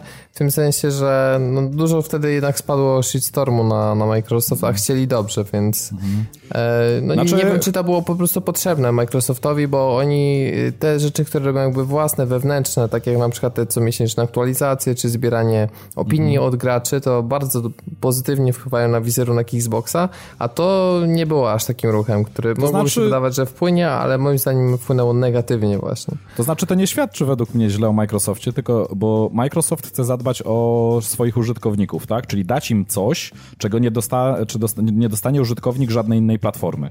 Czyli z, jakby z mojego punktu widzenia, tak jako będąc użytkownikiem Microsoftu, uważam, że Microsoft mnie y, tutaj łechta, w prawidłowy sposób, tak? I, i że tak powiem, utwierdza mnie tylko w tym, że ja, wyda, że tak powiem, wybrałem dobrą platformę. Problem stoi tak naprawdę po stronie e, e, producentów Tomb Raidera, tak? To oni przytulili tą walizkę z pieniędzmi, to oni się sprzedali, tak? I to oni zadecydowali, że ok, przyjmiemy pieniążki i wydamy coś ekskluzywnie tam czasowo na, na jakąś platformę. Także to tak naprawdę, ja nie wiem, czy to jest wina Microsoftu. Microsoft dobrze, tak? Jeżeli, e, no bo popatrz z drugiej strony, tak? Gdyby Sony sobie tutaj tutaj, nie wiem, przygruchało jakiegoś, jakiegokolwiek, no nie wiem, no na przykład Sony przygruchałoby sobie Ubisoft, tak, i e, stwierdziliby, że Assassina Unity wydają tylko i wyłącznie przez pierwsze pół roku na PlayStation 4. Bo to powiedziałbyś, że Sony jest chujowe? No nie sądzę, no. No i, znaczy, wiesz co, po prostu chodzi mi o to, że mm, dla mnie czasy tych ekskluzywów od y, zewnętrznych producentów jakby już trochę się skończyły i po prostu dziwnie wrócić do, do takich rzeczy. Chociaż z, z drugiej strony można powiedzieć też, że o, wychodzi Bloodborne tylko na PS4, a też mógłby wyjść na, na nie wiem, na Xbox One, więc, no, więc a tu właśnie. jakoś nikt nic nie mówi. Ja mówię Natomiast od, ja bym od... tak samo mhm. nie miał nic przeciwko, żeby Bloodborne wyszedł na Xbox One i tak samo wolałbym, żeby Tomb Raider wyszedł na obie platformy, a żeby jedni i drudzy walczyli swoimi wewnętrznymi studiami po Wiesz prostu. co, mi się wydaje, że nie można postawić znaku równości między Bloodborne a Tomb Raiderem, chociażby z tego względu, że to jest jednak e, seria, która się pojawiała na wielu platformach wcześniej i po prostu to jest takie, no, nie wiem, ja trochę byłem zniesmaczony tym ruchem, bo oczywiście rozumiem, że konkurencja, e, że Microsoft po prostu chce jak najlepiej dla swoich klientów i w momencie, kiedy w moim domu byłby Xbox One, no to automatycznie byłbym, no, bardzo na tak tylko że mhm. chwilowo go jeszcze nie ma. E, niemniej, no, wydaje mi się, że, że jeżeli byłaby nowe, nowe IP zostałoby zapowiedziane po prostu e, na, na, na obydwie platformy, no to byłoby ok, bo to jest trochę tak jak Bloodborne można, można moim zdaniem przyrównać do Sunset Overdrive. Jest to gra robiona przez zewnętrzne studio jako ekskluzyw dla danej platformy i też nikt nie krzyczy, że to powinno być na PS4. Więc no z Tomb Raiderem jest trochę inna sytuacja z tego względu, że już graliśmy na, na, na innych platformach. No tak, a, kontynu- w tą grę. A, a, kontynuacja historii będzie tylko na jednej. Dokładnie. Znaczy, no, no, to, to było niefajne rzeczywiście, -hmm. no. No, no tak.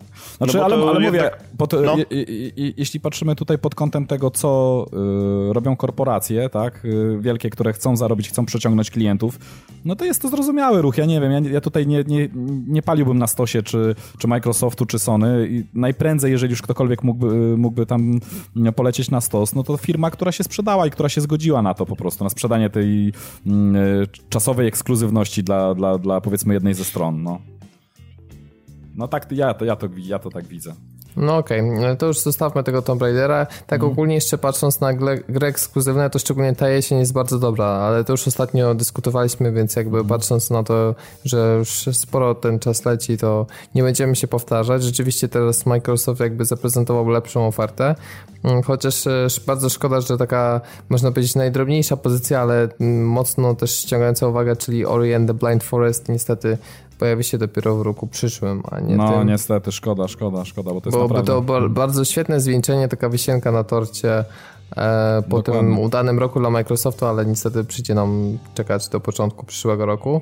I ta ostatnia rzecz, o której też ostatnio wspominaliśmy, to ja bym chciał, żeby mm, Sony słuchało graczy tak jak robi to Microsoft i regularnie co miesiąc wprowadzało nowe funkcje do konsoli, bo mm, to też jest y, taka rzecz przyciągająca e, do platformy i powodująca, że cały czas się mówi, prawda? Tak jak mamy co miesiąc dyskusję na temat, a jaka gra wpadnie do Plusa czy do Games with Gold, tak też pojawiają się dyskusje, no to dobra, to co w tym miesiącu nowego pojawi się w ramach funkcji Xbox One?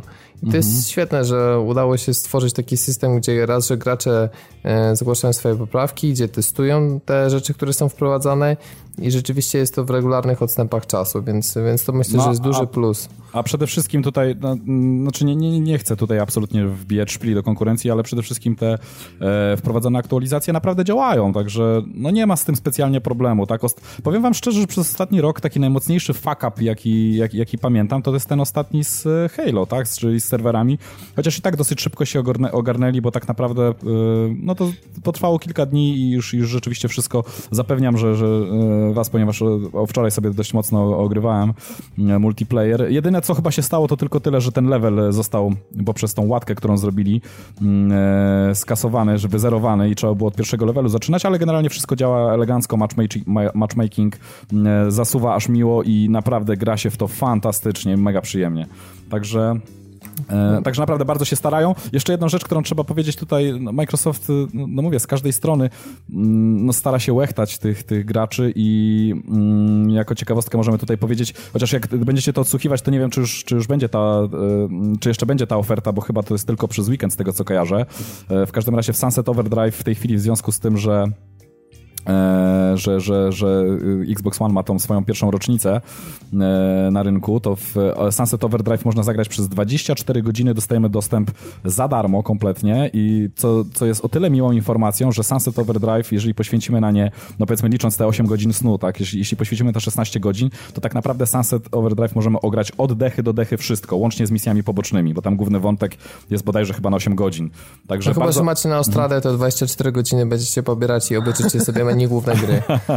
nie, ale to jest chyba 24 godziny od odpalenia, nie od pobierania, także, no, no to, także, także to, jest o tyle miły prezent, także jeżeli, jeżeli ktoś ma powiedzmy dużo czasu, to tak naprawdę może ten tytuł ograć od dechy do dechy za darmo kompletnie. Drugą miłą rzeczą jest to, ale to już jest, jest niestety tylko, znaczy tam jest malutki zgrzyt, bo to nie jestem pewien, czy to nie chodzi tylko o Amerykanów, e, ponieważ ja takiej informacji jeszcze na polskim rynku nie dostałem ale dla e, użytkowników, którzy zakupili e, Xbox One w tej wersji e, Day One Edition, dostają również Limbo, tak, odświeżone na potrzeby tam Xbox One i dostają go kompletnie za friko na, na Ale co na w Limbo można odświeżyć? Nie, no tam chodzi o to tylko tam pewnie podbicie rozdziałki, tak.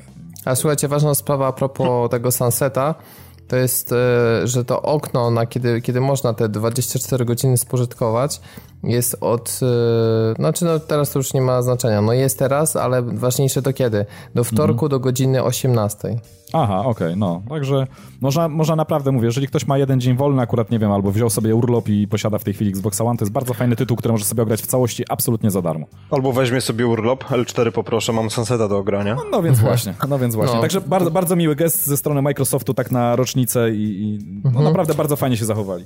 I tak, słuchajcie, bo tak podsumowując e, ten nasz dwuodcinkowy cykl mini e, z podsumowaniem pierwszego roku PlayStation 4 Xbox One, to jako, że zbliża się okres świąteczny i pewnie wiele osób e, zastanawia się, bo myślę, że tu w wielu domach pojawi się e, w najbliższych tygodniach właśnie konsola nowej generacji, to gdybyście mieli komuś polecić, czy lepiej byłoby zainwestować w PlayStation 4, czy kupić Xbox One, to na dzień dzisiejszy co byście polecili?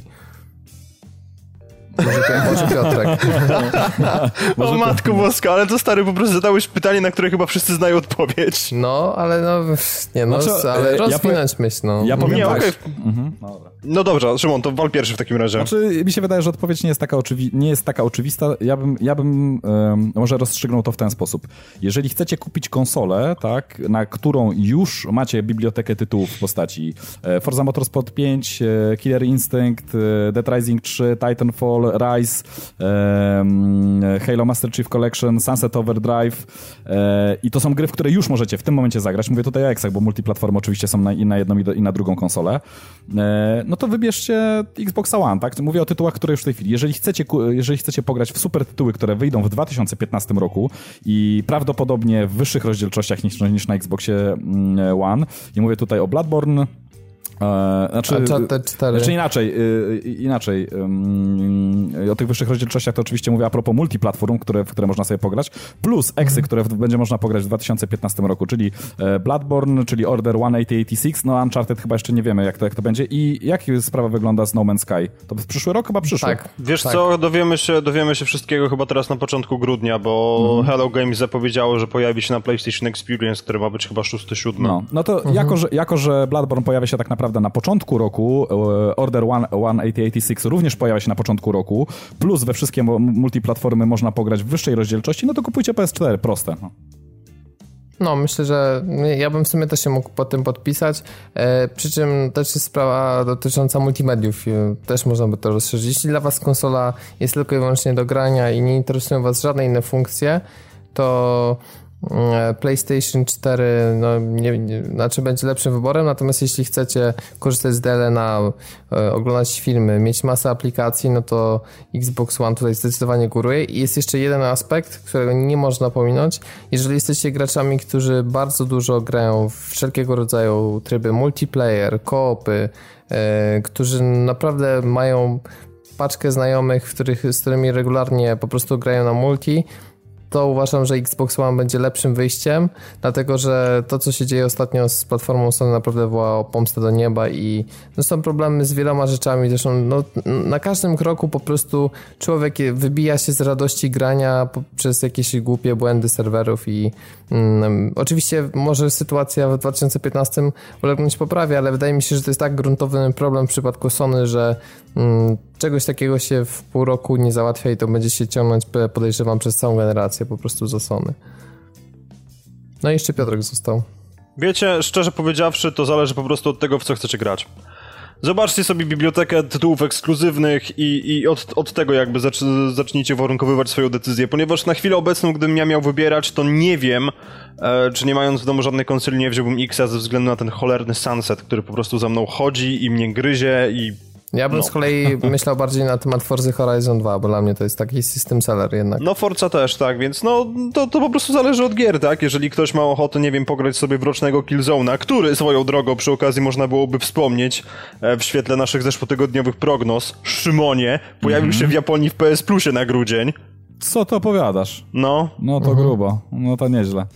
Także no to, to po prostu zależy od tego, w co chcecie grać, tak? Jedna i druga konsola mają naprawdę bardzo fajną bibliotekę ekskluzywnych tytułów i teraz po prostu to, na co macie ochotę, to w tym kierunku pójdźcie. Ja co prawda osobiście bym odradzał Kinecta, no bo to jest tylko podbijanie ceny, ale to mówię, to jest moje zdanie, Szymon ma inne, więc no to, to jest tylko i wyłącznie wasza decyzja. Eee, nie wiem, no... Z ja naprawdę nie, nie, potrafiłbym w tej chwili jasno powiedzieć komuś znajomemu, kto by do mnie przyszedł się mnie zapytał, którą platformę powinien, powinien kupić. Nie potrafiłbym mu jasno po, po, po prostu wskazać na którąkolwiek z To znaczy, wiecie co, ja, ja, mm, troszeczkę jeszcze, że tak powiem, powtarzając tylko w inny sposób to, co już powiedziałem, wydaje mi się, że Xbox One w tej chwili e, oferuje już dobre tytuły na ten moment, czyli kupujesz i od razu masz, tak? Wyjmujesz z pudełka, podłączasz i grasz i, i, i już masz te takie system seller. Jest kilka system sellerów, jest kilka dobrych tytułów takich, mm, w które, w które będziesz się zagrywał nawet miesiącami, e, a PS4 troszeczkę sprzedaje taką obietnicę. I obietnicę, którą oczywiście niedługo spełni, bo to nie będzie długo po świętach, bo mówię tutaj o pierwszych miesiącach 2015 roku. E, e, I czyli, czyli tak naprawdę, jeżeli myślisz przyszłościowo o jakichś takich tytułach, które może być, być może trafią bardziej w twój gust, czyli jesteś na przykład miłośnikiem e, Soulsów, tak, czy, czy czekasz może na, na tak wspaniały mm, e, tak, tak wspaniale zaprojektowany świat, jaki zaoferuje Order 1886, no to wtedy jak najbardziej e, no, cel, celujcie w PS4, no, moim zdaniem. No i myślę, że możemy sobie przejść do gier, bo ostatecznie to jest to mięso, na których po, po to są te konsole wymyślone i te wszystkie funkcje, które omawiamy, no zawsze będą jednak tylko dodatkami do mm, różnych produkcji, a był to bardzo mocny tydzień i zaczniemy sobie może od Dragon Age'a, przy czym to nie są wrażenia z pełnej wersji, tak uczciwie przyznamy, tylko mhm. Mm, Szymon ograł w ramach, e, to było jej Access, tak? Tak, tak, tak. W ramach jej Access mhm. 6 godzin dostępu do e, w sumie do pełnej wersji gry Dragon Age Inquisicja. No i tak się składa, że wtedy też byłem u Szymona, też częściowo razem ograliśmy, więc parę spostrzeżeń e, było. I powiem szczerze, że z Dragon Age'em jest taka ciekawa sytuacja, bo o ile mm, premiery takich gier jak na przykład załóżmy Destiny, towarzyszy ogromny hype i wszyscy po prostu nie mogą się doczekać, każdy trailer jest, wrzucają się, komentują, spodziewają się nie wiadomo czego, tak e, ludzie e, przez pryzmat drugiego Dragon Age'a i w ogóle ostatniej kiepskiej pasy BioWare'u spodziewali się, że Dragon Age i też filmików, które były koszmarne. Przecież mówiliśmy na Gamescomie 3, patrząc na, na to, to, co pokazali, że nie, po prostu absolutnie to będzie krap, totalne dno i nie ma na co patrzeć. I nagle wychodzi gra, która dostaje w recenzjach ósemki, dziewiątki, ale co jeszcze dziwniejsze, jak się zaczyna w to grać, to wychodzi, że jest to naprawdę bardzo przyjemne doświadczenie, więc Dragon Age jest takim zaskoczeniem właśnie, tylko pytanie, czy, czy dlatego, że jest rzeczywiście tak bardzo dobrą grą, czy już po prostu nastawiliśmy się na totalny shit i coś niegrywalnego i jest po prostu dobre i kontraście po prostu prezentuje się całkiem przyjemnie. No trochę i to jest nasze nastawienie, wydaje mi się, i trochę to, co, to, co nam zaofer zaoferowali. Nie spodziewaliśmy się troszeczkę tego. Ja nie wiem właśnie, jak, jak tam wy w serią Dragon Age. No ja skończyłem, tak jak już też wspomniałem chyba w poprzednim odcinku, pierwszą część od dechy do dechy. E, drugą częścią bardzo szybko się zniechęciłem. Była koszmarna, naprawdę. Tam bardzo wiele ja rzeczy... Ja grałem w demko i po prostu na mhm. tym poprzestałem, bo mhm. dwójka odrzuciła absolutnie tę swoją korytarzowością i... Dokładnie, dokładnie. Designem takim bardzo A tutaj... miałkim. A tutaj w e, trzeciej części, że tak powiem, e, dostajemy tak naprawdę wszystko to, co było najfajniejsze w pierwszej części. E, wszystko, znaczy zostały też zaimplementowane motywy z drugiej części, mówię tutaj o dynamicznej walce, ale zostały one zrobione o wiele lepiej. No i cały ten otwarty świat, który mieliśmy w jedynce, tutaj został, że tak powiem, rozszerzony na niesamowitą skalę, tak? Bo w jedynce, mimo że te lokacje były otwarte, to nie były jakieś ogromne, a, a tutaj naprawdę ten... ten tak, ten... to nie są korytarzyki, to są nie, nie, nie, rzeczywiście w pełni otwarty świat. Co mi się bardzo rzuciło w oczy w ogóle, co, co jest bardzo fajne, to nasza postać, znaczy każda postać, którą możemy pokierować w grze, dostała taką funkcjonalność jak skok i to jest bardzo fajne, dlatego że to podkreśla tą otwartość tego świata yy, i nie jest już tak, że jakiś tam murek nas zatrzymuje, tylko możemy go po prostu przeskoczyć. Mało tego, możemy się wspinać po górach, prze, przedzierać się przez jakieś lasy, naprawdę teren jest ogromny i mamy dostęp do bardzo wielu miejsc, tak? Nie jesteśmy mm, trzymani, trzymani w tych korytarzach, jak tutaj yy, Tak, Robert i powiedział. te lokacje nie wyglądają jak losowe losowo generowane, tak jak w niektórych mhm. E, miejscach w Skyrimie na przykład, czy Oblivionie, tylko wygląda na to, że rzeczywiście zostały z jakąś taką mm, pietyzmem wykonane z, tak, tak. wizją artystyczną, bo gra graficznie nie prezentuje się jakoś wybitnie, natomiast e, ten jej artystyczny design no, miejscami rzeczywiście potrafi przykuć uwagę. Tak, potrafi zachwycić. Ja, ja powiem szczerze, że ja mm, strasznie, no można powiedzieć, że nawet się zachwyciłem w, w jednej lokacji. Wszedłem do jednego z takiego jakichś opuszczonych fortów, w którym, e, po, wejściu do którego rozejrzałem się tak dookoła, a tam mm, no takie nadgryzione mury widać jakąś wojną, jakieś powiewające, zerwane flagi, jakieś kruki gdzieś tam przelatujące e, nad głową bohaterów. No naprawdę, powiem szczerze, że może nie tyle jakość grafiki, jakość tych tekstur jest powalająca, bo ona nie jest jakaś może powalająca, ale właśnie sen, sam sam ten y, sznyt taki artystyczny w ogóle, to, to, to, to jak lokacje zostały przygotowane, naprawdę, naprawdę potrafi zrobić momentami wrażenie.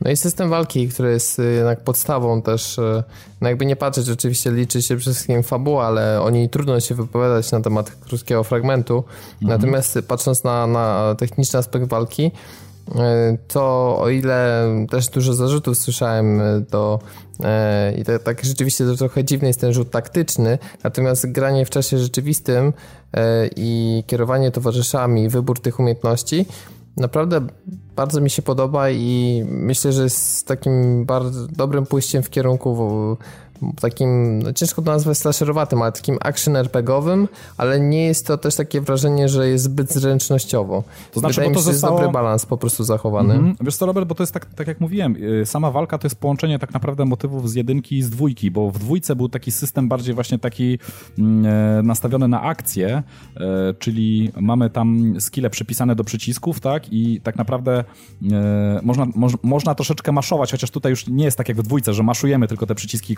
konkretne skille, tylko tutaj używamy, one mają tam swój cooldown. Tak, zwiększone, w związku z czym tak. ta, nawet ta walka w trybie rzeczywistym jest bardziej taktyczna niż dwójce, mam wrażenie. Dokładnie, dokładnie. Do tego powrócił system taktyczny z jedynki, ale wydaje mi się, że troszeczkę ulepszony. Mamy o wiele większy zasięg na mapie. Eee, możemy wykonać jakby chyba troszeczkę więcej akcji, wydaje mi się, niż w jedynce, dlatego że tych skilli jest troszeczkę więcej. Eee, poza tym poza tym no, ataki wyglądają fenomenalnie. Jest coś, takie, coś takiego ciekawego, mm, że ta aktywna pauza już nie do końca wygląda tak jak w jedynce, dlatego że tutaj możemy za pomocą triggera e, mm, sterować jakby czasem, tak? Czyli planujemy jakieś ruchy, wybieramy daną postać, wybieramy jaką ma wykonać akcję powiedzmy na jakim przeciwniku i wtedy trzymając trigger dopiero ten czas posuwa się do przodu i postacie zaczynają wykonywać te nasze komendy. Jeżeli puścimy trigger, czas się automatycznie znowu zatrzyma, możemy wtedy albo na przykład tą komendę zmienić, mm, e, albo zmienić jakoś tam powiedzmy taktykę, albo się wycofać, także no jest to dość, dość ciekawy system, to jest takie troszeczkę rozwinięcie tego, co mieliśmy w jedynce. E, i naprawdę sprawdza się to wyśmienicie. I możemy to zrobić w każdym momencie tak naprawdę w każdym momencie gry i, i, i, możemy, mamy bardzo duży ogląd wtedy na, na, to, co się dzieje na polu walki, dlatego mówię, tym, tą kamerą możemy przesuwać tak naprawdę po wszystkich okolicznych lokacjach i możemy sprawdzić, co się dzieje, czy jacyś nowi przeciwnicy do nas dobiegają. Bardzo fajny system, bardzo mi się spodobał. Mhm, także ten system walki to rzeczywiście jest. E, pytanie, czy sensem było dodanie wierzchowców do Dragon Age'a, bo z jednej strony świat jest dosyć duży, ale e, technicznie to nie jest specjalnie dopracowane. To mnie trochę urzekło, że w grze, która e, no, już na nowej generacji, gdzie my nie możemy sobie mm, nie wiem, jakoś rozjechać w środek NPC-ów, którzy uciekają w popłochu, tylko po prostu się na, na, na niewidzialnej ścianie zatrzymujemy, to jest taki trochę tak, no, tak, tak, mocne tak. niedopatrzenie techniczne, co najmniej to delikatnie prawda. mówiąc. To znaczy, powiem tak, sam pomysł wierzchowca to jest w ogóle fajne tutaj, znaczy ja nie, może, nie będę spoilerował, ale yy, znaczy wierzchowca w ogóle możemy w grze nie mieć, tak, bo tu wierzchowca dostajemy yy, tylko i wyłącznie wtedy, kiedy wykonamy taki jeden z pobocznych questów, yy, tudzież może to był główny, już teraz nie pamiętam, y, i, i dopiero wtedy dostajemy tego wierzchowca, tak, jeżeli pominiemy tego questa, to, to, to, to, to, to wierzchowca nie posiadamy. Jest to tyle fajne, że posiadanie wierzchowca w tak rozległym świecie, no ułatwia nam poruszanie się po tym świecie i to jest super pomysł, to jest naprawdę rewelacyjny pomysł. E, chociaż samo wykonanie rzeczywiście, no, e, znaczy fajne jest to, że tym koniem możemy skakać, także możemy też przy, w galopie przeskakiwać różne przedmioty, e, ale, ale rzeczywiście... Ale ro, nie, bo Ale Robert, Robert, Robert znalazł tutaj tak rzeczywiście i próbował przeskoczyć NPC, którego się nie dało, miał jakąś niewidzialną ścianę nad sobą. Poza tym stał jak mur w ogóle, kompletnie nie, nie robiło to na nim wrażenia, znaczy, że... to jest wkurzające, kiedy na przykład chcemy przez jakąś osadę przejechać, no jednak wiadomo, postaci nie, nie stoją jak kołki gdzieś tam po bokach, tylko zajmują się różnymi rzeczami i przechodzą i w momencie, kiedy, nie wiem, tam w miarę jakoś, nie wiem, kusem się koniem poruszamy i nagle stop, bo no niestety, tak, ale na naszej drodze staną NPC. No, no, pędzący przez wioskę koń powinien siać tam popłoch, tak, a, a wszyscy stoją tacy po prostu niewzruszeni, no ale... Tym bardziej, że przypominam sobie, wiesz, Assassina na, poprzedni, na początku poprzedniej generacji, gdzie to, wiesz, e, no, są nie sprawiało są... żadnego problemu. No są, są, są, pewne zgrzyty techniczne, chociaż trzeba przyznać, że naprawdę, że, że jest to i tak bardzo wysoki poziom, jeśli chodzi o e, wszystkie mechaniki, które z, zostały tam zaimplementowane. Jedna rzecz, ogrom... która mnie mhm. trochę, tak, wiesz co, wydaje mi się, że trochę mało jest mimo wszystko tych umiejętności i ten rozwój postaci jest mocno ograniczony, taki jak to, taki jak teraz trendy panują w grach MMO. Mhm. E, czyli wraz z kolejnymi poziomami tam odzyskuje, znaczy odblokowujemy dostęp do kolejnych umiejętności, mamy tam mm, w pewien jakiś taki ograniczony wybór. Natomiast e, no, jak na przykład to mnie uderzyło, pokazałeś opcję rozwoju postaci w Sunset Overdrive, która mm. grą RPG nie jest, to jak sobie zobaczyłem ile tam jest możliwości, a ile w Dragon Age'u, to tak trochę, trochę słabo. Myślę, że mm, BioWare mogło wrzucić więcej mimo wszystko do... Tym bardziej, że klasy postaci są trzy i to są takie po prostu, wiesz, typowo no, najbardziej sztampowe no, możliwe, tak. czyli wojownik, mak i, i łotrzyk, nazwijmy to, nie? No to są Więc... klisze i powiem ci, znaczy wiesz co, mi się wydaje, że to jest po prostu, mm, oni może nie chcieli tutaj odkrywać jakiego, jakoś koła na nowo, tylko po prostu no poszli takimi typowymi standardami i mamy takie typowe skille dla danej klasy i mamy typowe klasy i tak naprawdę mamy typowe rasy, tak? Nie, mm, w tym temacie akurat nie wprowadzili tutaj żadnych innowacji, aczkolwiek ja wiem, czy jakiś fan w, w, tutaj fantazy będzie narzekał, e, ktoś, kto wie czego spodziewać się po magu, czy tam po łotrzyku, no, czy, czy po wojowniku, no myślę, że będzie usatysfakcjonowany. E, tym tym, tym, tym, tym, tymi narzędziami, które dostaje do ręki, tymi skillami, które może rozwinąć. Nie jest to może rzeczywiście na, na jakąś ogromną skalę yy, tam, tam, tam rozbudowane, ale yy, wszystko inaczej. Wszystko to, co powinno być, to jest. I tak można by było podsumować mhm. tak naprawdę skille i, i klasy. Mhm. Mhm.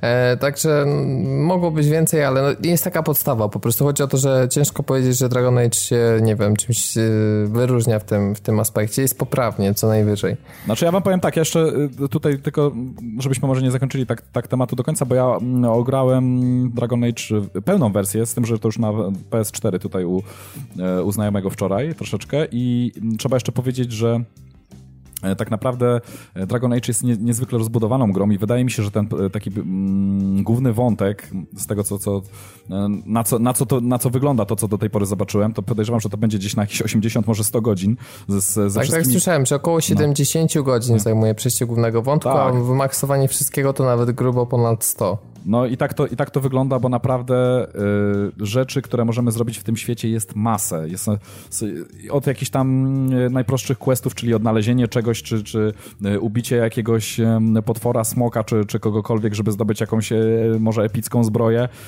po jakieś tam E, inne takie aktywności, jak na przykład e, odszukanie jakichś tam teleskopów, zaznaczanie jakichś tam rzeczy na niebie, e, odszukiwanie jakichś tam poukry, poukrywanych rzeczy w tym, w, w, tym świecie, pomaganie w poszczególnej wiosce, poszczególnym osobom.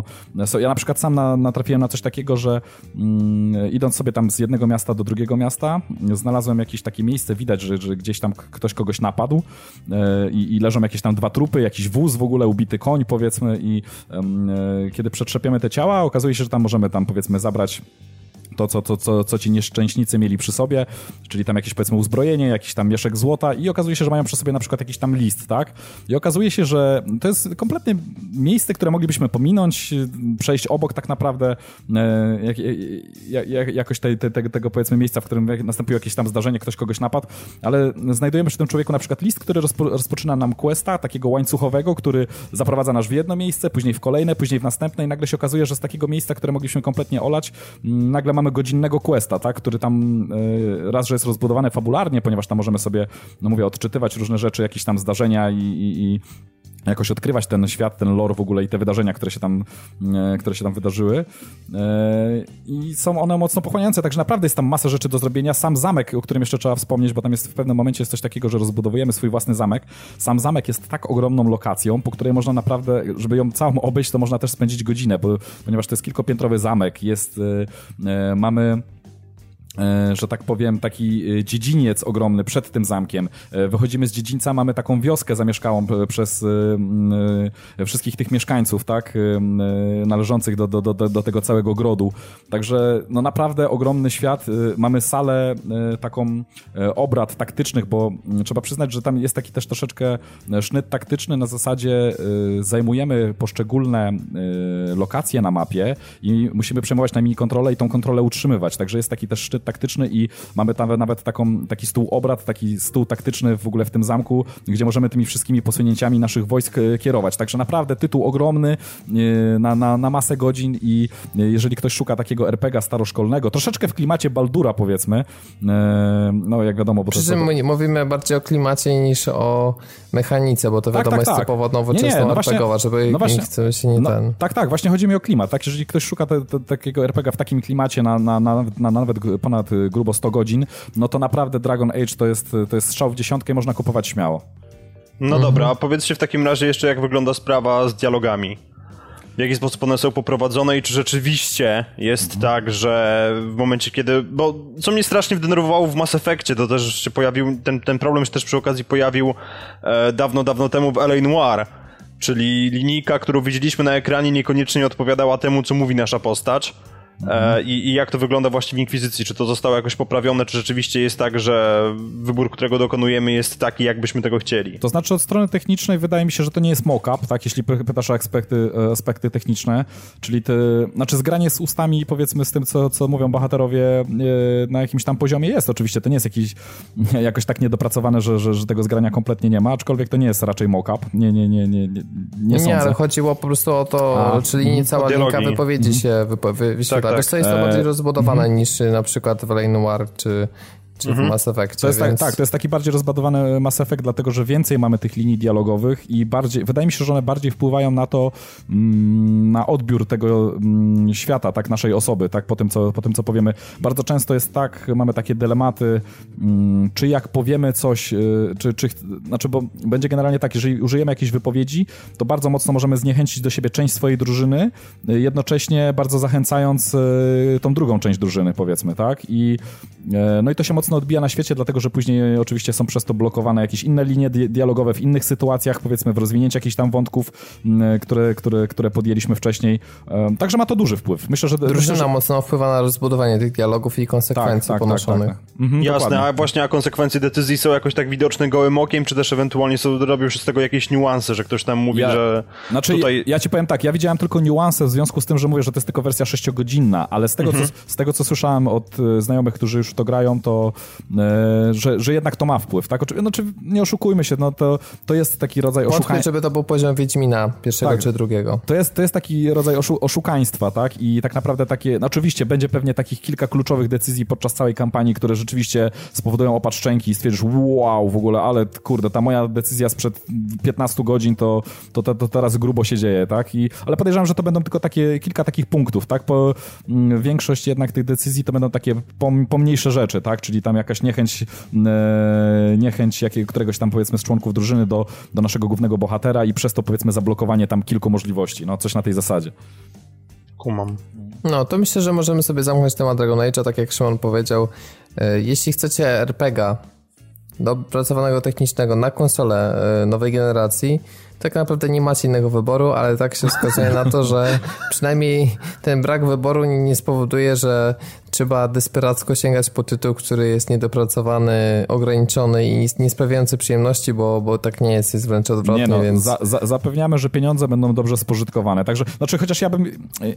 Znaczy to jest dobry tytuł i dający masę fanu i myślę, że cena E, nawet tutaj 279 chyba złotych, tak? Bo telewizja no nie, nie przesadzajmy, przepraszam cię. Ja uważam, że 220 to jest i tak już maks i to znaczy, ciężko nie, ja, ja, za ja, więcej jakąkolwiek grę po prostu znaczy, ja, ja, powiem tylko tak, jeżeli ktoś e, po prostu jest bardzo wielkim fanem tego, tego typu RPGów i bardzo długo czekał na coś dobrego, to myślę, że taka osoba może nawet za te 270 kupić, tak? Ale reszcie, reszcie e, możemy polecić jako bardzo solidny tytuł, to jest z tym, że no to taki za dwie stówki, no.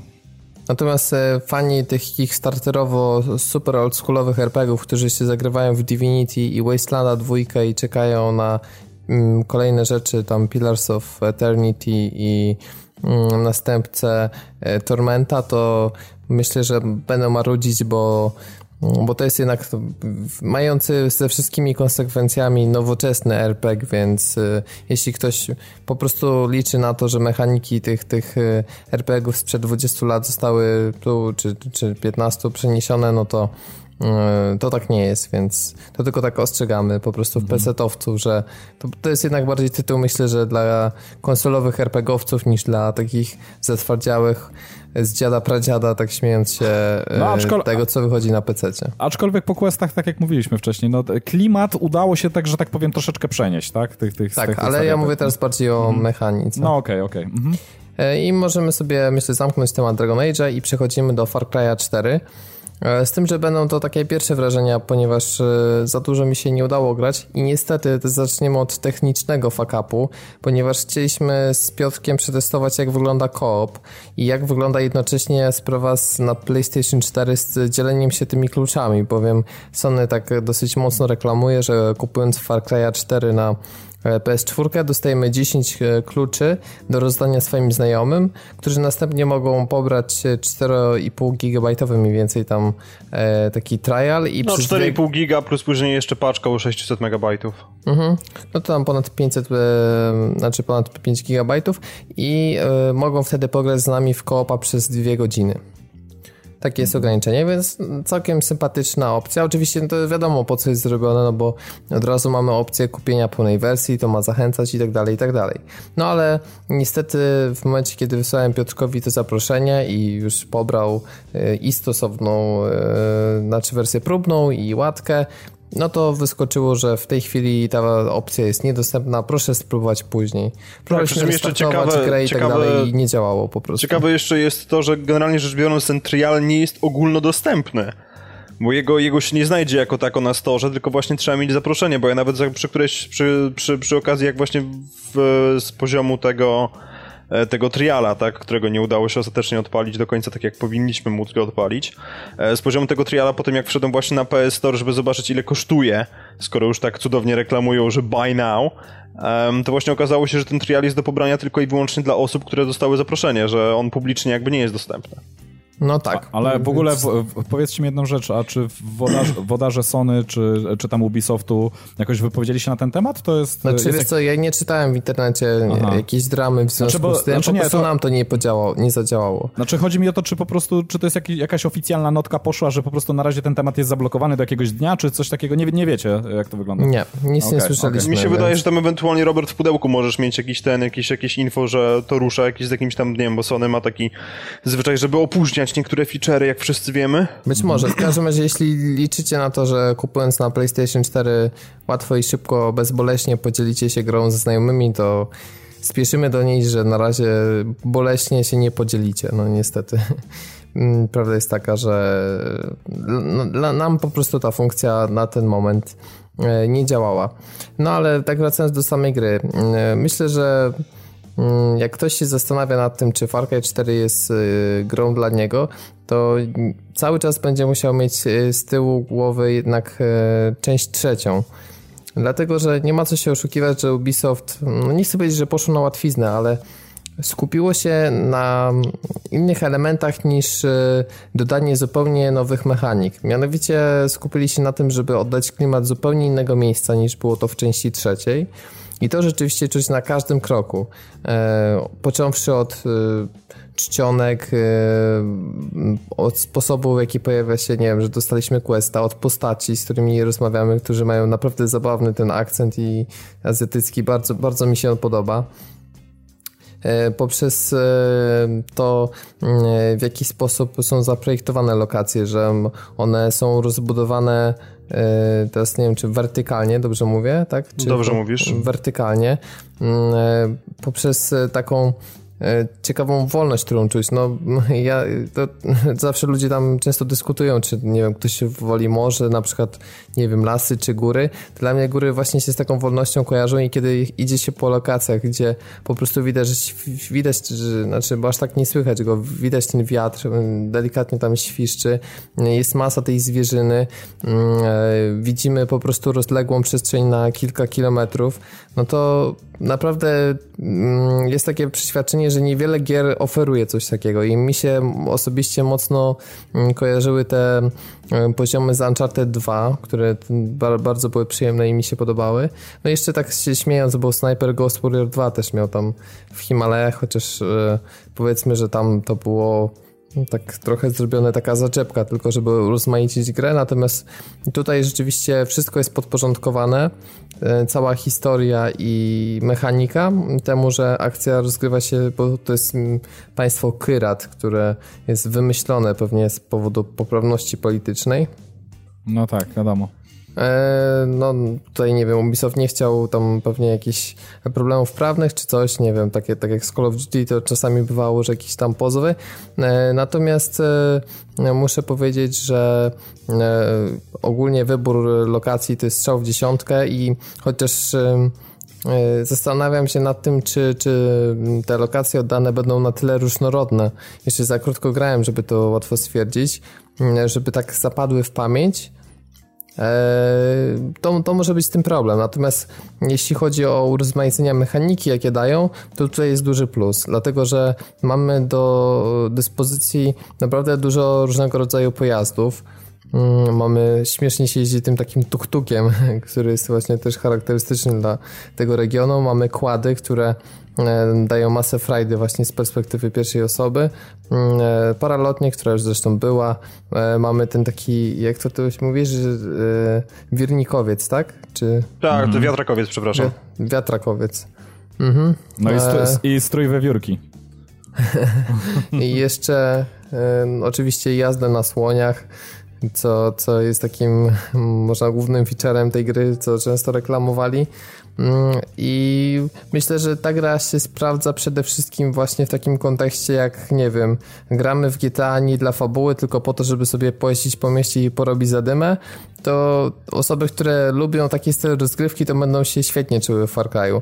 Natomiast um, Ubisoft trochę błędnie um, wskazał na to, że ta gra będzie mocna fabularnie, że mamy bardzo charakterystycznego tego głównego złego i że um, tutaj naprawdę będzie się działy niesamowite rzeczy, no to myślę, że tutaj się osoby zawiodą, dlatego że um, fabuła to nie jest absolutnie najważniejsza część tej gry i ona jest taka właśnie typowo Ubisoftowa, można powiedzieć. No oni mają problem ostatnio właśnie z tym, żeby jakoś, nie wiem, ciekawie napisać um, postaci poboczne, czy, czy jakoś sensownie poprowadzić tą fabułę. Wydaje mi się, że to będzie um, dosyć słaby element. Przepraszam, czy są, czy, są, czy są znowu wieże? E, są znowu wieże, jest ich 17. Ja pierdzielę, znaczy... czy oni naprawdę w tym Ubisoftie mają jakąś obsesję na punkcie tych wież, bo to w każdej możliwej mają, grze mają, jest włącznie tak. z The Crew. Nie Dokładnie. wiem, czy tam jest jakiś fetyszysta wieżowy, czy no tak, bo to jest motyw z Assassina i oni twierdzą, że to się spodobało. No i no wtedy, tutaj oczywiście jest wtedy... to jakoś tam, wiesz, uzasadnione, że o, tutaj punkty widokowe Himalaje, może to jest bardziej, nie wiem, sensowne niż na tropikalnej wyspie, ale e, prawda jest taka, że no, schemat jest do bólu ten sam, co zawsze, czyli po prostu wchodząc na to wieżę odblokowujemy fragment mapy i odblokują się questy, lokacje i tak dalej, i tak dalej, więc Czekam... tam się nic nie zmieniło. Czekamy na wieżę w The Division teraz.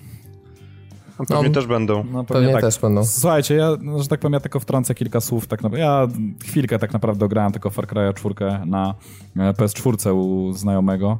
E, moje wrażenia, znaczy po tym, jako grałem trójkę, muszę wam powiedzieć, że Far Cry 4 to tak naprawdę Far Cry 3 na czy na sterydach? Hmm, nie, może na sterydach graficznych troszeczkę, yy, a, ale powiela tak naprawdę te same błędy i kopiuje te same pomysły i to tak naprawdę... No to, to jest, jest, tak jak Assassin's Creed, nie wiem, Brotherhood i Revelations mm, na to przykład. Jest, to jest ko czy... kopiuj wklej, dlatego że no, główny, mieliśmy głównego złego jakiegoś tam świra w ogóle w trójce Wasa, tak? Tutaj mamy kolejnego świra, już nie pamiętam jak się ten z czwórki nazywa. Pagan A, no właśnie. I, I, to tutaj mamy kolejnego świra, czyli mamy ten sam, czyli główny A świetnie zły... w ogóle Troy Baker y, po mm. prostu po raz kolejny daje upust swojemu niesamowitemu talentowi i no, rewelacyjnie gra i zupełnie to jest ciekawe, jak, mhm. jak chociażby totalnie inaczej brzmi niż, y, nie wiem, jako Joel czy ja, jako Booker w Bioshock Infinite. Naprawdę ma niesamowicie plastyczny głos. Tylko wiesz co, tylko mi chodzi o tutaj taką listę czeków, czyli tak, świr, czek, tak?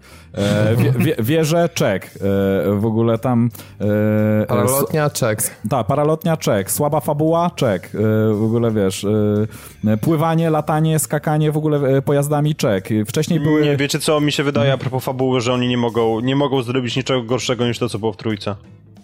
Znaczy, znaczy wiesz, no ja musiałbym przejść grę, żeby ci to powiedzieć, ale to chodzi o to, że yy, grając w tę grę na, dochodzisz do momentu, takie mam wrażenie, że fabuła cię takie interesuje pobieżnie, bardziej to, jaka mechanika cię czeka na tych misjach i równie dobrze możesz sobie zapomnieć o tej fabule na 20-30 godzin i zająć się, nie wiem, wymaksowywaniem tych e, zadań pobocznych i nic nie stracisz. Znaczy, no mhm. tak, bo tak jak mówię, to, co było słabe w Far Cry trójce jest również słabe w Far Cry 4, a to, co było mocne w Far Cry trójce jest również mocne w Far Cry 4.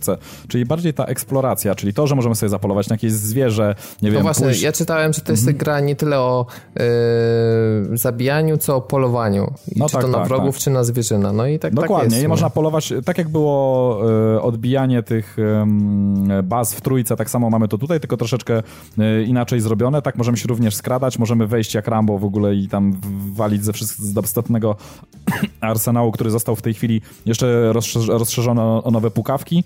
E, kiedyś można było wpuścić niedźwiedzia, tak, który zrobił, robił porządek w bazie, teraz możemy słonia. Także tak naprawdę no to są... i niedźwiedzie, szczególnie no. płonące. No, no Ale tak, z tym także... słonie to jest ciekawe, bo ja po prostu zastosowałem, byłem ciekaw, jak zadziała mechanika gry i po prostu tak powiedzmy, że w miarę niepostrzeżenie rozwaliłem kłódkę, gdzie trzymali słonia mhm. i stwierdziłem, że schowam się w krzaki, poczekam dwie minuty i zobaczę, co się stanie.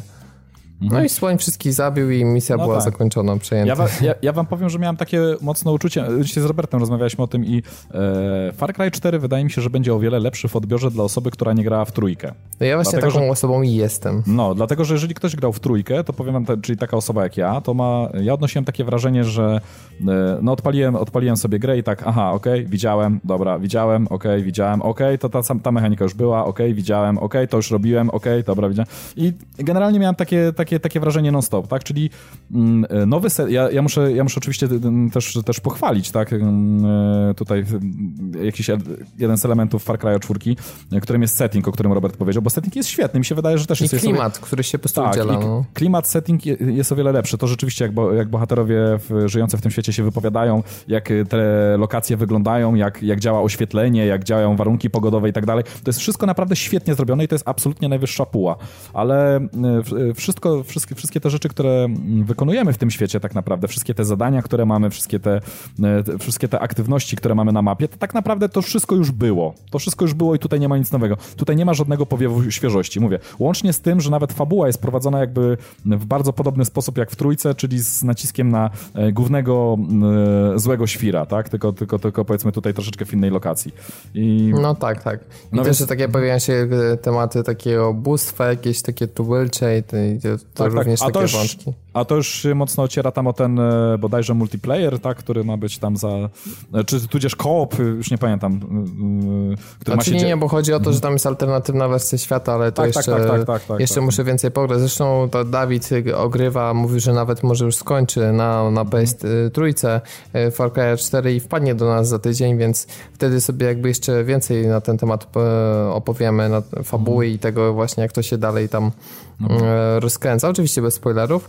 Natomiast e, tak patrząc jeszcze na warstwę techniczną, o której wspomniałeś, to naprawdę jest dobrze. Ja bardzo mocno po tym fakapie z Unity patrzyłem im na ręce i czekałem z niecierpliwością na analizę Digital Foundry, jak technicznie gra będzie wykonana.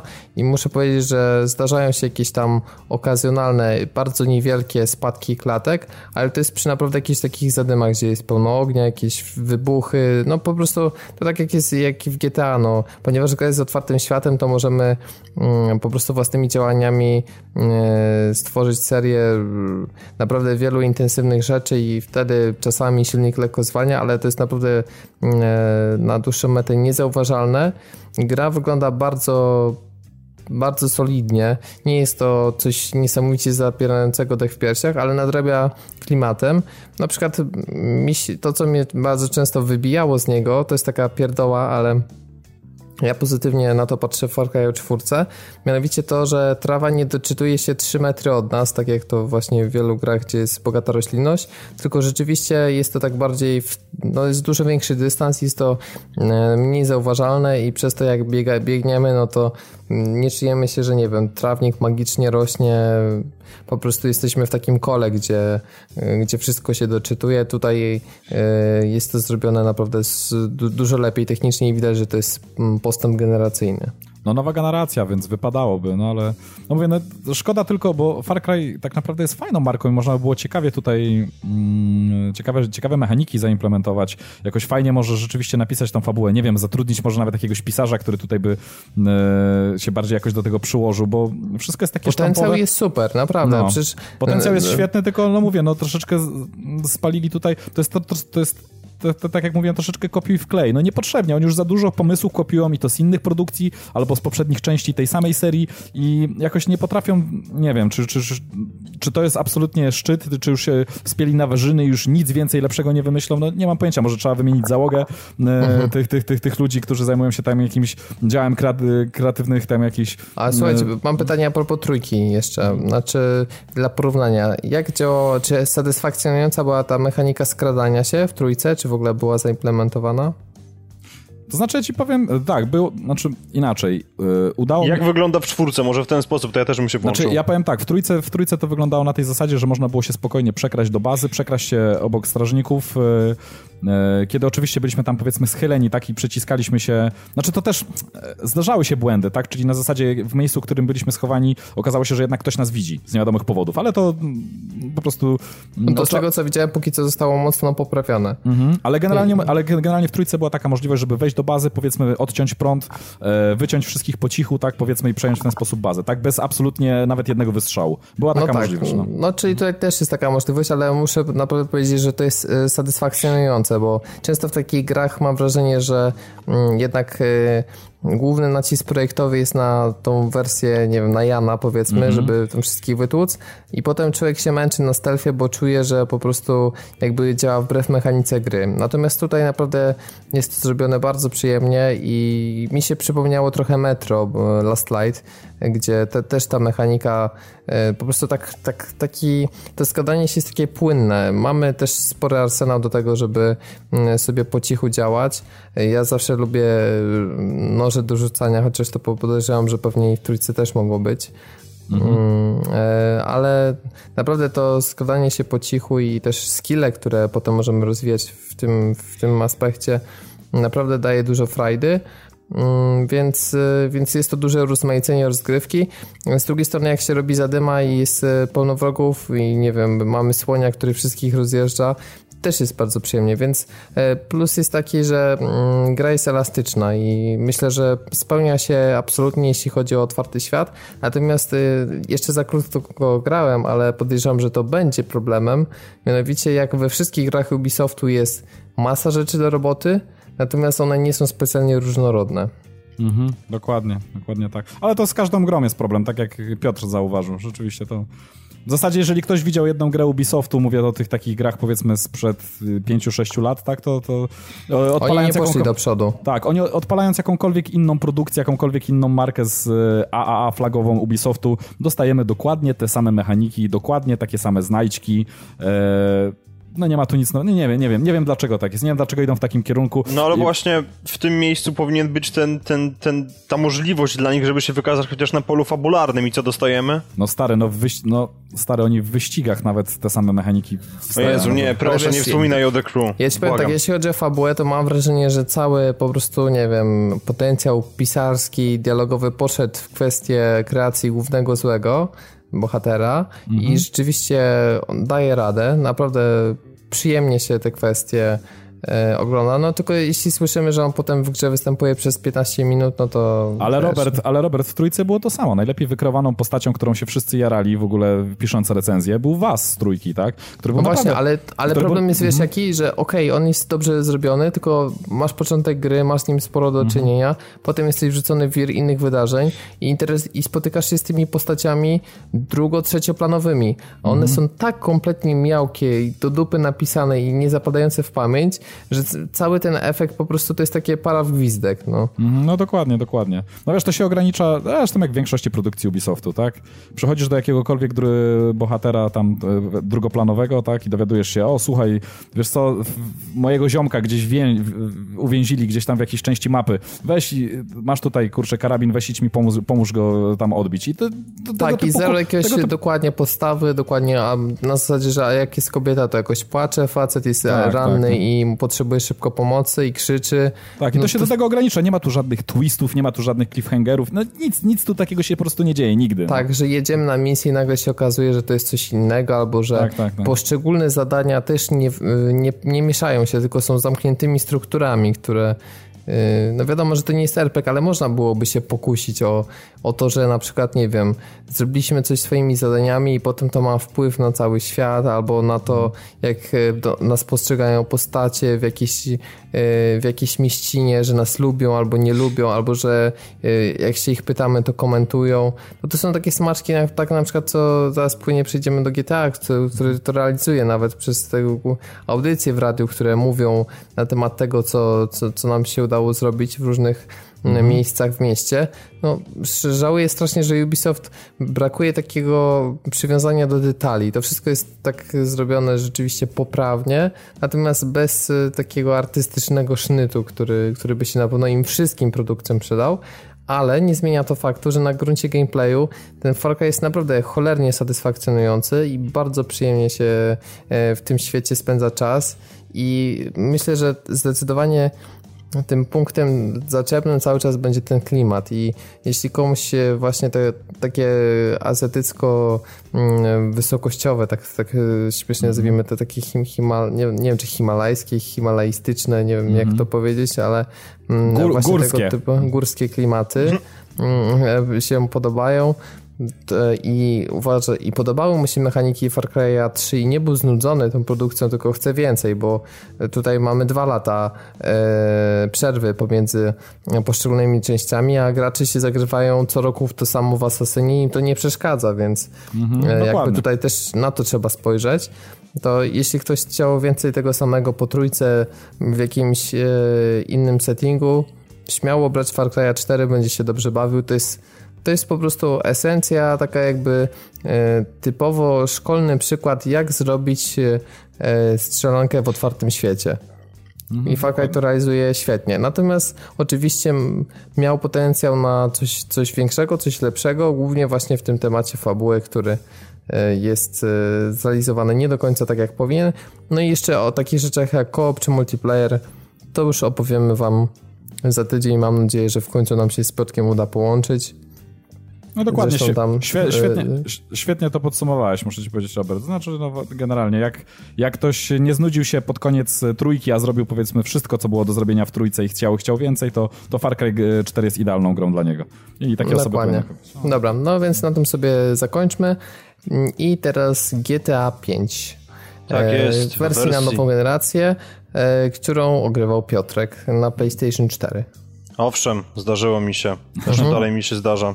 No i więc gra, którą już wszyscy ograli, która miała niesamowity hype przed premierą na 360 i PlayStation 3, która dziwnym trafem zaliczyła kolejny hype i pewnie w poniedziałek, jak już tego słuchacie, to mm, e, pojawiły się informacje, że GTA 5 pobiło jakieś tam rekordy sprzedaży w tym roku e, na PlayStation 4 i Xbox One, bo wszyscy sięgnęli po raz kolejny po odświeżoną wersję. Ale słuchajcie, mogę walnąć od razu z grubej rury? Tak na dzień dobry? Mogę, mogę? mogę? Na, na, tak na dobranoc już e, prawie. No. Piotr, no, e, Piotr, powiedz mi jedną rzecz, bo słyszałem już takie dwie opinie w internetach, mm -hmm. że podobno przeskok nie jest aż tak mocny, jak nam nahypowali na trailerach. Oj, ja bym się nie zgodził. Okej, okay, dobra.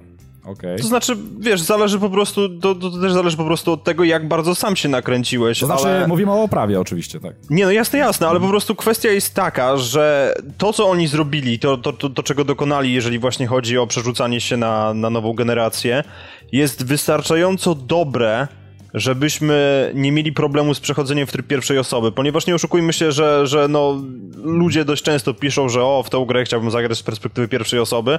I teraz kwestia jest taka, że to, co Rockstar zrobił, to wypełnił świat detalami na tyle mocno, że nie tracimy absolutnie nic na przełączeniu się w pierwszą osobę, a nawet czasami przełączamy się właśnie po to, żeby zobaczyć bliżej, jak coś wygląda. Aha, okej. Okay. Także pod, pod kątem, może, no, to zależy po prostu tego, jakich efektów się spodziewaliśmy i tak mhm. dalej, i tak dalej. Jeżeli wiesz, ktoś chciał cudawianki, e, i jakieś, nie wiem, no, efekty godne, godne ekskluzywów z najwyższej półki, które się pojawią w przyszłym roku, no to naturalnie tego nie ma, ale jest cała masa naprawdę, jeżeli chodzi o oprawę takich świetnych smaczków, e, które podbijają ten realizm i no, ta gra wygląda naprawdę bardzo, bardzo dobrze. To okay. trzeba powiedzieć z miejsca. Okej, okay, okej. Okay. No po prostu może się komuś nie spodobała w sieci, bo słyszałem takie opinie, że e, nie jest aż tak dobrze, jakby, jak, jak, znaczy w sensie, e, to nie chodzi o ilość detali, bo rzeczywiście tych, tych, tych detali dodali mnóstwo, to, to, to jak najbardziej, tylko chodzi o to, że oprawa e, wideo nie jest aż tak bardzo, takim wielkim, ogromnym przeskokiem, jak, e, jak ludzie zakładali, że będzie.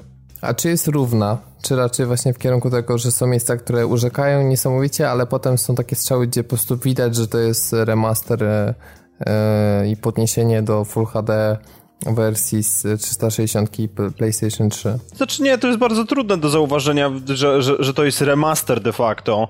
E, są po prostu miejsca, które jakby to, to wynika prawdopodobnie po prostu z limitacji technicznych nawet obecnych konsol, ponieważ czasem zasięg widzenia niektórych budynków właśnie jak się malują na horyzoncie, to widać, że on nie jest taki jak powinien i tak dalej, i tak dalej, ale na ogół e, naprawdę trudno jest powiedzieć, że to jest remaster. Nie ma jakichś takich archaizmów graficznych, które po prostu jasno nam walą w twarz i mówią, że hej, grałeś już w tą grę, pamiętasz o tym i tak dalej. Tylko no, jest, jest naprawdę bardzo fajnie to wszystko wykonane. Nie ma najmniejszego problemu. Okay, mhm. a, po, a powiedz mi, jak kwestie techniczne związane z, z spadkami animacji, bo y, wiemy, że różnie to bywa ostatnio w grach i mimo, że są nowe konsole, to nie znaczy, że nie mają swoich problemów, jeśli chodzi Matko, o ale ty żeś dyplomatyczne podejście zrobił, zapominając o tym, że rozmawialiśmy o tym kilkanaście minut temu. Znaczy może bardziej godzinę. No dobrze, ale rozmawialiśmy to yy, we dwóch, natomiast słuchacze myślę, że chcieliby jednak... Nie, mi się wydaje, że na, na tym, no, że na podcaście też poruszaliśmy, ale może mi się coś uwaliło. Tak czy inaczej, no e, są spadki animacji, jeżeli chodzi o PS4, E, ze względu na, na prędkość taktowania procesora po prostu, tak? Więc w momencie, kiedy dojeżdżamy do bardzo zatłoczonego skrzyżowania, czy nawet serii takich skrzyżowań, to klatki potrafią się sypnąć, przy czym Digital Foundry oczywiście przeprowadziło swoje badania za pomocą nauki i doszli do, do wniosku, że klatki spadają o 4 do 6, więc no jest to dość pokaźny spadek w momencie, kiedy mamy grę zablokowaną na 30 FPS-ach. Mhm. To, to nie jest jakiś taki game breaker, tak, e, czy, czy coś, co by strasznie przeszkadzało, tylko no, trzeba się po prostu przygotować na to, że w momencie, kiedy bierzemy udział w jakimś wyścigu i on się zbliża do, do większego jakiegoś tam zespołu skrzyżowań, to może nam się framerate sypnąć i jednak dobrze jest wtedy być troszkę bardziej uważnym niż zazwyczaj. E, natomiast, no, no, tak jak mówiliśmy, tak, to wynika po prostu z tego, że procesory nie są wystarczająco mocne i nie, nie wyrabiają, jeżeli chodzi o wczytywanie zachowań wszystkich NPC-ów, które akurat znaczy, siedzą w swoich samochodach. Ja muszę powiedzieć tak, że grając grając na poprzedniej generacji, kończąc tą grę też praktycznie od dechy, de, od dechy do dechy, e, no też były te dropy i to były dosyć znaczne, ale powiem Jezu, że... nie, ale nie, nie, nie, słuchaj, tego się nie da porównać. GTA no. na nowej generacji dostało zupełnie nowe życie mhm. i, i, ta gra po prostu znaczy, chodzi, jest inna. Chodzi mi tylko o to, że dropy na poprzedniej, i to bardzo znaczne dropy na poprzedniej generacji, tak naprawdę przy, no sorry, przy GTA 5 no kompletnie mi nie przeszkadzały. Co ty mówisz? A mi przeszkadzały w, do tego stopnia, że nie przeszedłem drugi raz fabuły i jakoś nie skończyłem tej gry na 100%, dlatego że wkurzało mi już to, że jak się jedzie po mieście, to jest stałe 20, nie wiem, 5 klatek czy tam mniej, bo po prostu widać było, że, że się krztusi, że ten silnik ledwo działa, więc...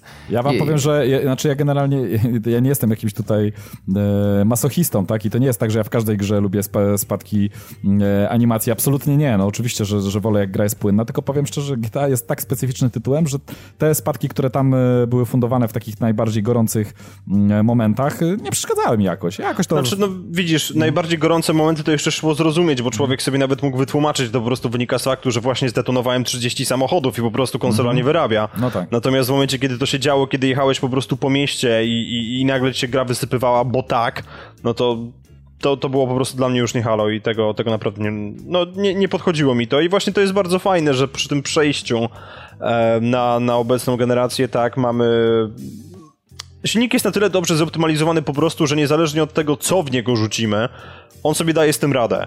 Jedynym problemem na PS4 są po prostu te cholerne skrzyżowania, e, podobnie zresztą jak w polskich miastach.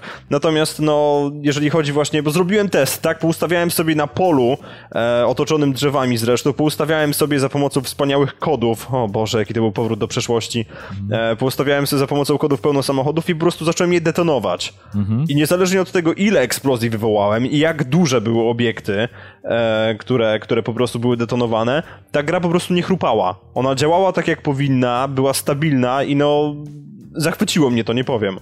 Okej, okay, czyli ty, no, tylko na skrzyżowaniach tak naprawdę ten problem Tylko na skrzyżowaniach, tak. Przy czym no tutaj, tutaj to, to, to jest tylko i wyłącznie bolączka wersji PS4 e, ze względu właśnie na niższe taktowanie zegara głównego procesora, a na Xboxie tego nie ma, ale z kolei mamy znacznie mniej bujną roślinność z tego co widziałem na porównaniach. Mhm.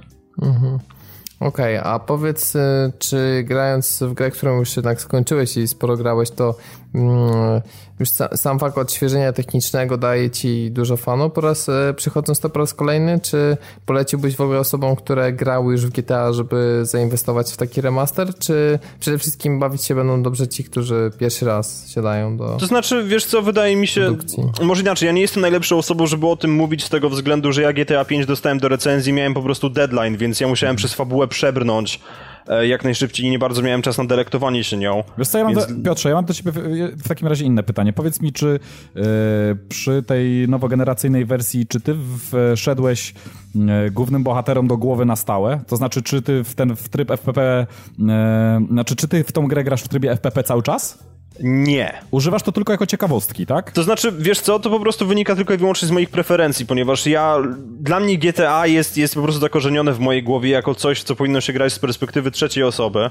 E, poza tym jeszcze jest, jeszcze jest ten, ten, ten szkopuł, że niestety, ale prowadzenie samochodu z perspektywy pierwszej osoby jest strasznie nieprecyzyjne mhm. e, i po prostu, no bywają, bywają momenty, kiedy wydaje ci się, że się gdzieś zmieścisz, a de facto się nie mieścisz, więc jest strasznie trudno po prostu wyczuć gabaryty samochodu. No też o tym słyszałem, tak, tak. Mhm. No, ale, ale ogólnie rzecz biorąc, e, ja już z Robertem poruszałem ten temat w naszych tam prywatnych rozmowach kilka razy. Natomiast kwestia jest taka, że przemoc po prostu widziana z perspektywy pierwszej osoby zostaje wyniesiona na tak zupełnie nowy poziom, e, że momentami można się zacząć bać siebie samego. O kurde. Bo mhm. no, normalne jest to właśnie, że włączamy GTA tak i idziemy komuś obić mordę na miasto po prostu. Większa, większa imersja. Tak, ale pójście i obicie mordy przypadkowemu człowiekowi po prostu z perspektywy pierwszej osoby jest tak szokującym doświadczeniem. Hmm. I no, naprawdę, przemoc ląduje, ląduje jakieś 3-4 poziomy wyżej, szczególnie jeżeli właśnie biegamy na przykład z shotgunem i strzelamy ludziom w plecy, no to to jest po prostu nie do opisania. Także symulator przestępcy wersja 2.0 jest jak najbardziej tutaj adekwatnym terminem. E, PG 18, e, tak naprawdę do młodszych słuchaczy, jeżeli nas słuchają, e, to może powiemy, nie, nie róbcie tego w rzeczywistości, tak? nie, nie, to nie jest najlepszy pomysł. wiadoma, taka, o której się dużo dyskutowało, nie spoilując, doszedłeś już do tego? W... Tak, byłem już przy tej scenie. A, i to I też, odpaliłeś też... to z ciekawości w FPP? Odpaliłem to z ciekawości w FPP, no i to znaczy, nie wiem, no mnie ta scena i poprzednio nie ruszała i teraz mnie średnio ruszyła, więc no może to już jest taka kwestia, że dość tego się naoglądałem e, w telewizorni tak zwanej, natomiast no jest, można zobaczyć z perspektywy pierwszej osoby, wygląda to nieco strasznie, ale jakoś tak, no, nie wiem, może jestem już wyprany z uczuć. Okej. Okay. Po prostu. Ale miałem, miałem, miałem w GTA, bo teraz pojawiło się znacznie więcej zwierząt domowych w tej grze. Mhm. I nie chodzi o to, że możemy mieć swojego własnego psa, no bo pies jest jeden jakby w tej grze, tak? Wspaniały Chop, który biega i, i, robi kupy na, na posesji. Um, natomiast pojawiły się psy, z którymi ludzie po prostu chodzą na spacery i chodzą, chodzą na te spacery masowo, podobnie zresztą jak po mieście kręci się pełno kotów. Um, I moment po prostu, w którym czułem się najbardziej winny, to już też Robertowi mówiłem, najbardziej winny, taki zły do szpiku kości, czułem się po prostu jak przestępca, ostatni chami prostak, który zrobił coś, czego nie powinien robić. To było wtedy, kiedy wyszedłem na miasto zabijać przypadkowych ludzi i zastrzeliłem parę, która biegała sobie z psem. Po czym ten pies biegł w moim kierunku i myślę sobie, zaatakuje mnie. On nie zaatakował, tylko przeszedł obok, usiadł przy swoim martwym właścicielu i się na mnie gapił. I zafundował mi największego guilt tripa na świecie po prostu. Także nie strzelajcie w tej grze do psów.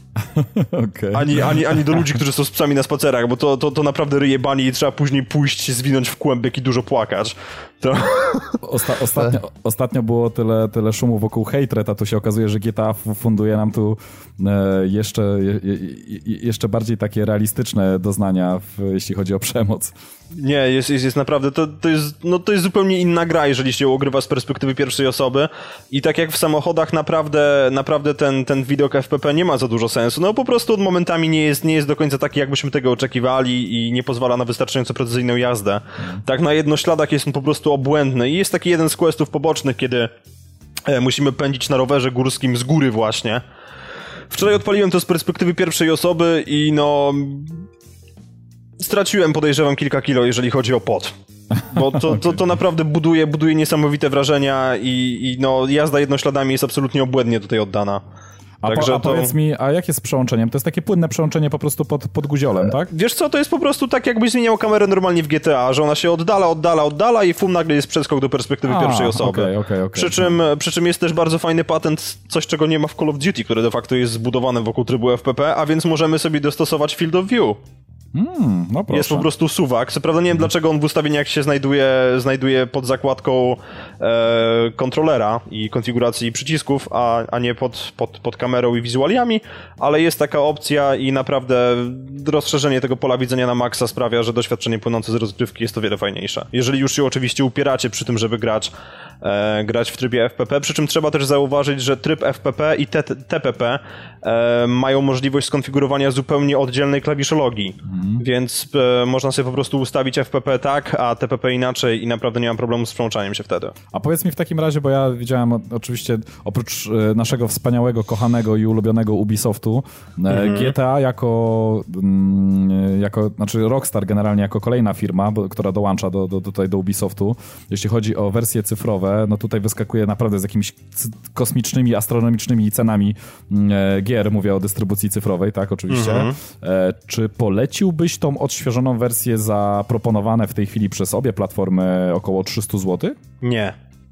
Ja nie poleciłbym żadnej gry za około 300 zł, to już jest zupełnie inna sprawa, bo dla mnie po prostu ta cena, jeżeli chodzi o wersję cyfrową, to jest jakiś debilizm skrajny na dodatek, ponieważ e, pewna duża sieć sklepów, między innymi z grami wideo, sprzedawała tę grę w dniu premiery za 220 zł. Mhm. Więc e, no płacenie dobra. 8 tych więcej za to, że nie wyjdziesz z domu, no to, to, to, jest po prostu dla mnie jakieś chore i to już jest po prostu kwestia polityki cenowej tych firm, tak? Natomiast no...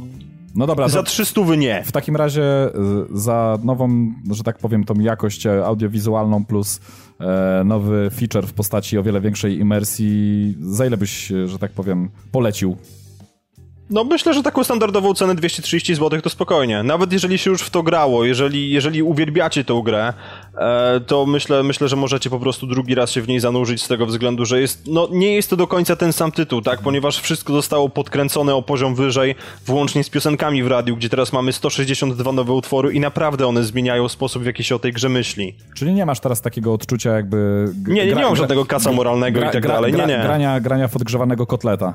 Nie, nie, nie, absolutnie. Jest okay. naprawdę bardzo fajnie to wszystko zrobione. Poza tym e, nie wiem, czy Rockstar po prostu jak początkowo już robił, robił, e, robił GTA wersji na poprzednią generację, to musiał stępić jakby niektóre detale, ale nawet emocje wyrażane na twarzach w czasie cutscenek i tak dalej są po prostu zupełnie, in, powodują zupełnie inny odbiór niż dotychczas. Mhm. Bo Trevor rzeczywiście wygląda jak psychopata gotowy, wbi- gotowy po prostu wbić każdemu nóż w plecy, bo, bo źle na niego spojrzy. Także, no naprawdę, grafika, grafika cholernie zmienia odbiór i ja zdecydowanie polecam. Ja na przykład nie żałuję, że, że stałem jak idiota w kolejce o północy pod sklepem po to, żeby, po to, żeby kupić tą grę. No to zawsze jest... Drugi raz zresztą. Stałem o północy po remaster Mastera, to po prostu, to zawsze, to zawsze jest klimat, to zawsze jest klimat. No, ale a tryb FPS, czyli jednak jako mm, ciekawy dodatek, ale sądzisz, że nie dałoby się skończyć GTA tylko i wyłącznie w tym trybie? To znaczy, wiesz, podejrzewam, że jak ktoś się uprze, to mu się uda. Ja, na to, ja, ja bym się na pewno na to nie porwał, bo dla mnie to jest bez sensu i no... Nie wiem, jakoś przyzwyczaiłem się po prostu do GTA z perspektywy trzeciej osoby i teraz nie potrafię od tego odejść, totalnie. Ale pewnie mm, zyskuje w takich rzeczach jak, nie wiem, jazda kładem, jazda motocyklem. Tak, tak, zdecydowanie. W takich sytuacjach no to jest zupełnie inne doświadczenie. To, to, to no, absolutnie podlega jakiejkolwiek dyskusji. Ale mówię, że jazda samochodem już z kolei w trybie tym FPP no nie najlepiej działa. No, za mało precyzji, po prostu. Fajne jest to, że oczywiście działają nam wszystkie wskaźniki, fajne jest to, że tam na ekranie na środku deski rozdzielczej wyświetla nam się aktualnie ustawione radio. E, to są takie bardzo miłe właśnie bariery. Natomiast jeżeli chodzi właśnie o takie hardkorowe gnanie, czy to, czy to w czasie jakiegoś wyścigu, czy po prostu e, w czasie misji, no według mnie tryb FPP po prostu odpada w samochodach.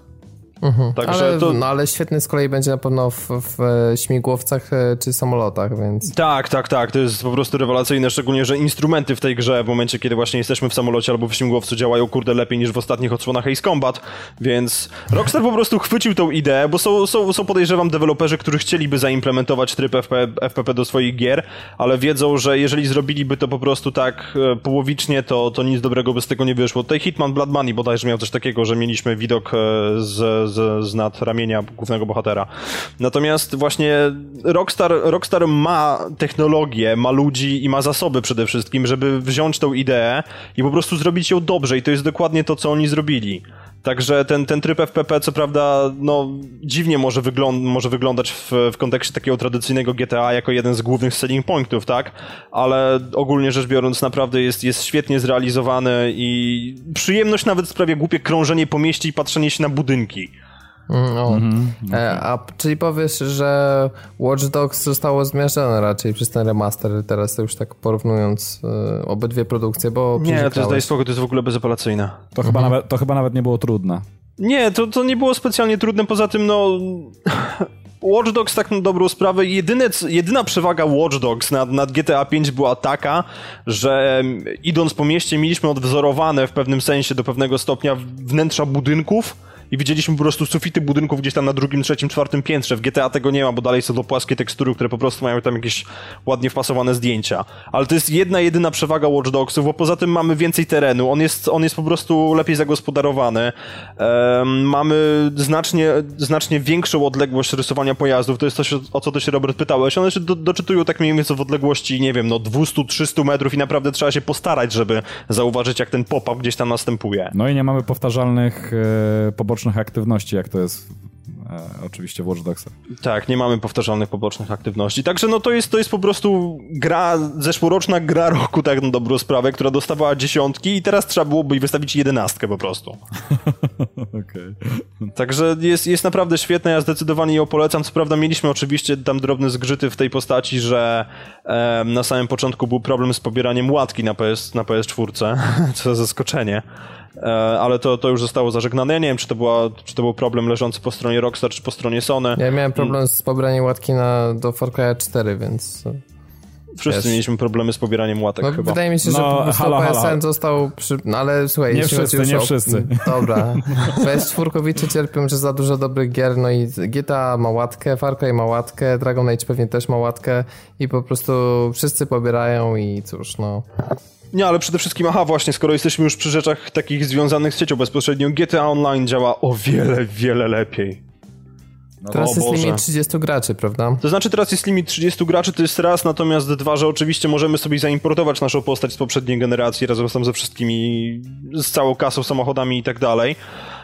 Natomiast kwestia jest taka, że w momencie, kiedy ja testowałem to w zeszłym roku, jak dostałem grę do recenzji, to były koszmarne problemy. Nie wiem, no wątpię, że to była kwestia mojego internetu, bo on działa całkiem nieźle, ale właśnie w zeszłym roku miałem straszne problemy z łączeniem się z serwerami, było, były tam kiki i tak dalej, a teraz po prostu wchodzi się do gry i wszystko działa tak, jak powinno. Znaczy, Także... wiesz co, to było z czasem po prostu poprawione, bo pamiętam, że za dużo graczy się łączyło naraz i i stąd to wynikało, no bo GTA się sprzedało ponad 30 milionów i tu jakby był po prostu problem z serwerami, że każdy mhm. chciał spróbować i mm, no trochę minęło czasu, zanim po prostu oni poprawili swoją infrastrukturę sieciową. No tak, e... tak, ale teraz, teraz jest już naprawdę okej. Okay. Okej, okay. No to w sumie już powiedziałeś, y, komu polecasz, komu nie polecasz, więc y, możemy się cieszyć, że to był dobry tydzień, dlatego że każda z tych trzech gier, która mm, wyszła w tym tygodniu, jeśli trafi do osoby, mm, do dobrej grupy docelowej, która w sumie, nie wiem, by, by, chyba przyświecała twórcom przy tworzeniu tych gier, to będą się bawić rewelacyjnie.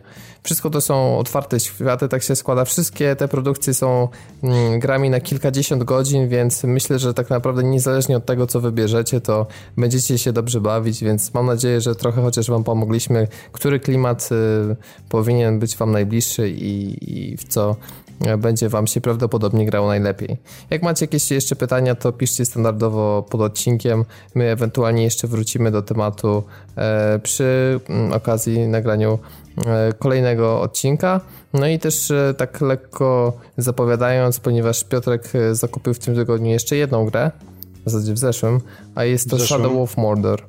Tak, Cień Mordoru na, na, na PS4, ponieważ w końcu się zdecydowałem skusić i no co prawda póki co pograłem, mówię, tak około 3-4 godzin, więc nie jestem jeszcze gotowy na wydanie opinii, ale póki co jest dobrze, a przede wszystkim mamy orgazm na polu voice actingu.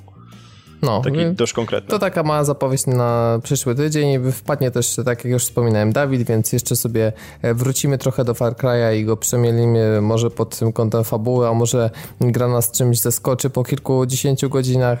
E, a, jeszcze, a jeszcze zapadamy mały spoiler co do pewnego kącika, czy, czy raczej to tak. się wstrzymamy z tym do... Myślę, jako, jak, jak, jako z niespodzianką. Będzie niespodzianka w postaci pewnego kącika. O, o właśnie, może tak. może nie do końca growego, ale też z grami powiązanego oczywiście. O Matko Boska, nie, to już w ogóle nikt nie będzie wiedział o co chodzi, Robert. no, Cóż, y, może jest za duża podpowiedź, może za mała, to już nie mnie rozstrzygać. E, tak czy siak słyszymy się standardowo za tydzień. Ja nazywam się Robert Fiołkowski i prowadziłem ten podcast, a ze mną był Piotrek Modzelewski. Dzięki wielkie, hej. I Szymon Zalichta. Trzymajcie się ciepło. Trzymajcie się, do usłyszenia za tydzień. Hej.